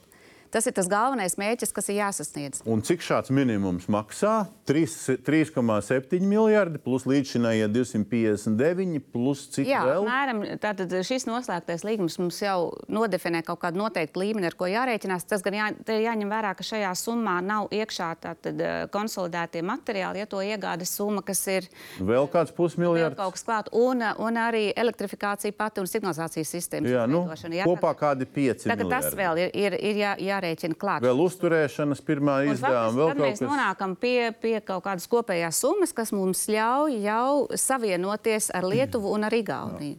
Jā. Šis ir tas trakums, kad ir 30. gads patiesībā pie šāda mēroga projekta no tālu. Mums ir milzīga atbildība pret saviem Baltijas kolēģiem, milzīga atbildība attiecībā pret Baltijas valsts drošību, jo tas ir militārās infrastruktūras projekts, milzīgs. Mēs priecīgi vēl kaut ko runājam par tādiem miljardiem, par tādiem miljardiem. Mums jāsaprot, ka Eiropas komisija arī ir ļoti sarežģītā situācijā. Ir Ukraiņas finansējums. Jā, pareizi. Ir šausmīgi vienkāršs jautājums. Nu? Uh, 5 miljardi sadalīt uz 6, 7 gadiem, mazāk kā miljards gadā. Ja Eiropa finansē nu, 8,5 nē, PVN Latvijai vēl nepie, ne, neatiecinama izdevuma vēl Latvijai, bet nu, labi, vienalga, nu, pieņemsim, piekdaļa mums ir jāfinansē. Ja? Nu, tas nozīmē, ka nu, kaut kāds 1% no valsts šī, šī brīža budžeta izdevumiem. 1%.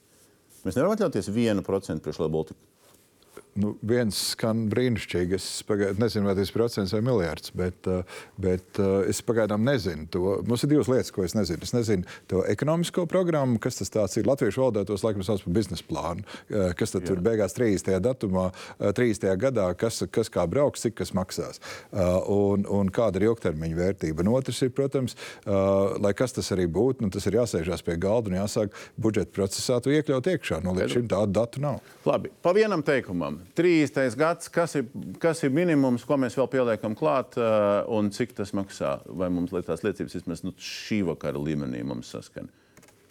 Nu, tehniski ir iespējams uzbūvēt līdz 30. gadam visu, par ko mēs šodien runājam, pilnībā.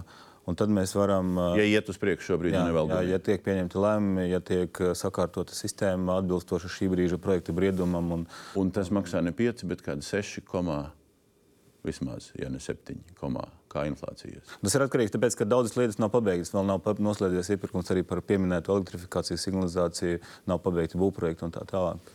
Vienīgais paradoks, ka mums jau ir noslēgts jau labu brīdi jau uh, būvniecības niecības uzraudzības līgums, bet pati būvniecība vēl nav nokontraktēta. Tas savādāk. Kas, jā, kam, kas ir racionālākais līdz 30 gadam un cik tas varētu maksāt? Kā, kā, kāds skats? Es domāju, ka neviens klātesošais nezina, cik tas izmaksās 30. gadā. Tas ir numur viens. Un nezinām, tāpēc, ka Mums nav informācijas, mums nav padarīta darba līdz šim. Tas ir tas, kas ir par kavējumiem. Un, ja es gādātu par to naudu, tad es noteikti censtos maksimāli daudz risku, kontrolētu risku uzlikt būvniekam. Tādā veidā es varētu uh, ļoti daudz ko uh, finansiāli nosargāt. Skaidrs. Tas ir projektiem būvē metode. Kalvans kundze, vai jūs vispār redzat par iespējamu šobrīd? Gribās jau visu saplānot dzīvē, bet zin, kā notiek. Nu, ne tikai sniegā, ne tikai ziemas sniegā atnāk negaidot. Ja? Daudz šausmas atnāk negaidot. Vai vispār var saplānot kaut ko šeit tik tālu uz priekšu? Ziniet, ir bijusi sadarbība ar kolēģi, man vienmēr patīk plānot. Viņš man teica, Ines, nekad nevajag neko plānot, jo, jo tie plāni vienmēr mainās. Es eh, joprojām strādājot šos gadus publiskajā pārvaldē, gribu teikt, ir jāplāno, ir jācenšas būt eh, kritiskiem savos plānos, jāļauj speciālistiem strādāt uh, šodien un jādomā par rītdienu. Es joprojām ļoti uztraucos par to lietošanu, par to, kā mums izdosies salīgt ar kaimiņiem. Uh, un Linkaita kunga mācīja par tiem trim gadiem pirms tā dzelzceļa trase. Ja, tas mums nav vairs laika. Mums nav vairs laika. Mums ir jārunā ar tiem, kas lietos uh, tās stacijas. Ja, mums jārunā, uh, mums, mums jārunā ar, ar, ar un, un tam vairs uh, to nevar tādu. Labi, pa vienam teikumam. Un līgums, un līgums. Vēl ir jāizgroza starpvalstu līgums. Starpvalsts līgums jāizgroza. Ha, to vēl pieliekam klāt. Pa vienam teikumam. Kam jābūt 30. gadā minimums un cik tas varētu maksāt? Um, skaidri mūsu Latvijas sabiedrībai ir uh, jābūt pārliecinātai. 30. gadā mums ir jābūt Rīga, Rīga savienota ar pamattrasi. Ne obligāti savienojums starp Rīgas centrālo staciju un lidostu. Tas, es pieņemu, varētu būt nedaudz vēlāk. Um, bet pamattrasē uh, Rīgas centrālā stacija būs savienota. Kas būs, mēs nezinām, kam jābūt.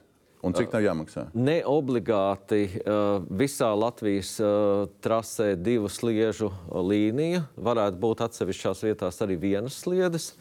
Bet pa posmiem veicot, visas, gan Igaunijas virzienu, gan Lietuvas virzienu ir iespējams savienot. Un daļu no šīs trases jau ir iespējams uh, sākt operēt. Līdzīgi atšķirīgi? Nu, es teiktu, tā, ka ir labi, ka mēs zinām tās problēmas, kuras ir identificētas, un mums viņas ir nacionālā līmenī jāpabeidz. Sākum, sāksim ar projektēšanu, noslēgsim to, lai mums būtu pamata prasīt Eiropas eh, Savienībai papildus finansējumu. Mums ir jāliek lietā tas, kas jau ir piešķirts. Ja, ja tas paliks kontos, mēs nevarēsim pieteikties papildus finansējumam, un tās problēmas paliks tikai, tikai lielākas. Tā kā eh, nekavējamies kaut kādos nacionālos jautājumos, tie ir zināmi, atrisinām, un tad visi kopīgiem spēkiem ejam pēc papildus līdzekļiem. Neprasīsim, nedabūsim.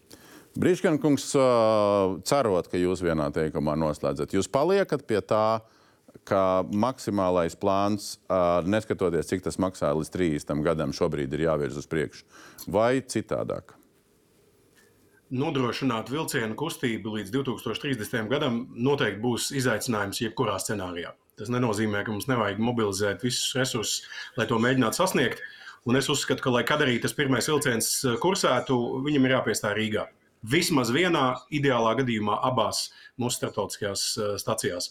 Un vienlaikus uh, es ceru, ka ātrāk nekā 2030, bet ir jābūt arī vienošanās par infrastruktūras pārvaldību, kur vismaz daļēji šī infrastruktūras pārvaldība vai šis saskarsmes interfejs lietotājiem, investoriem, gan kravu, gan pasažieru pārvadātājiem ir vienots visās trīs Baltijas valstīs. Lai mēs, lai mēs nenokopētu to sadrumstaloto dzelzceļa sistēmu, kas Baltijas valstīs ir šobrīd.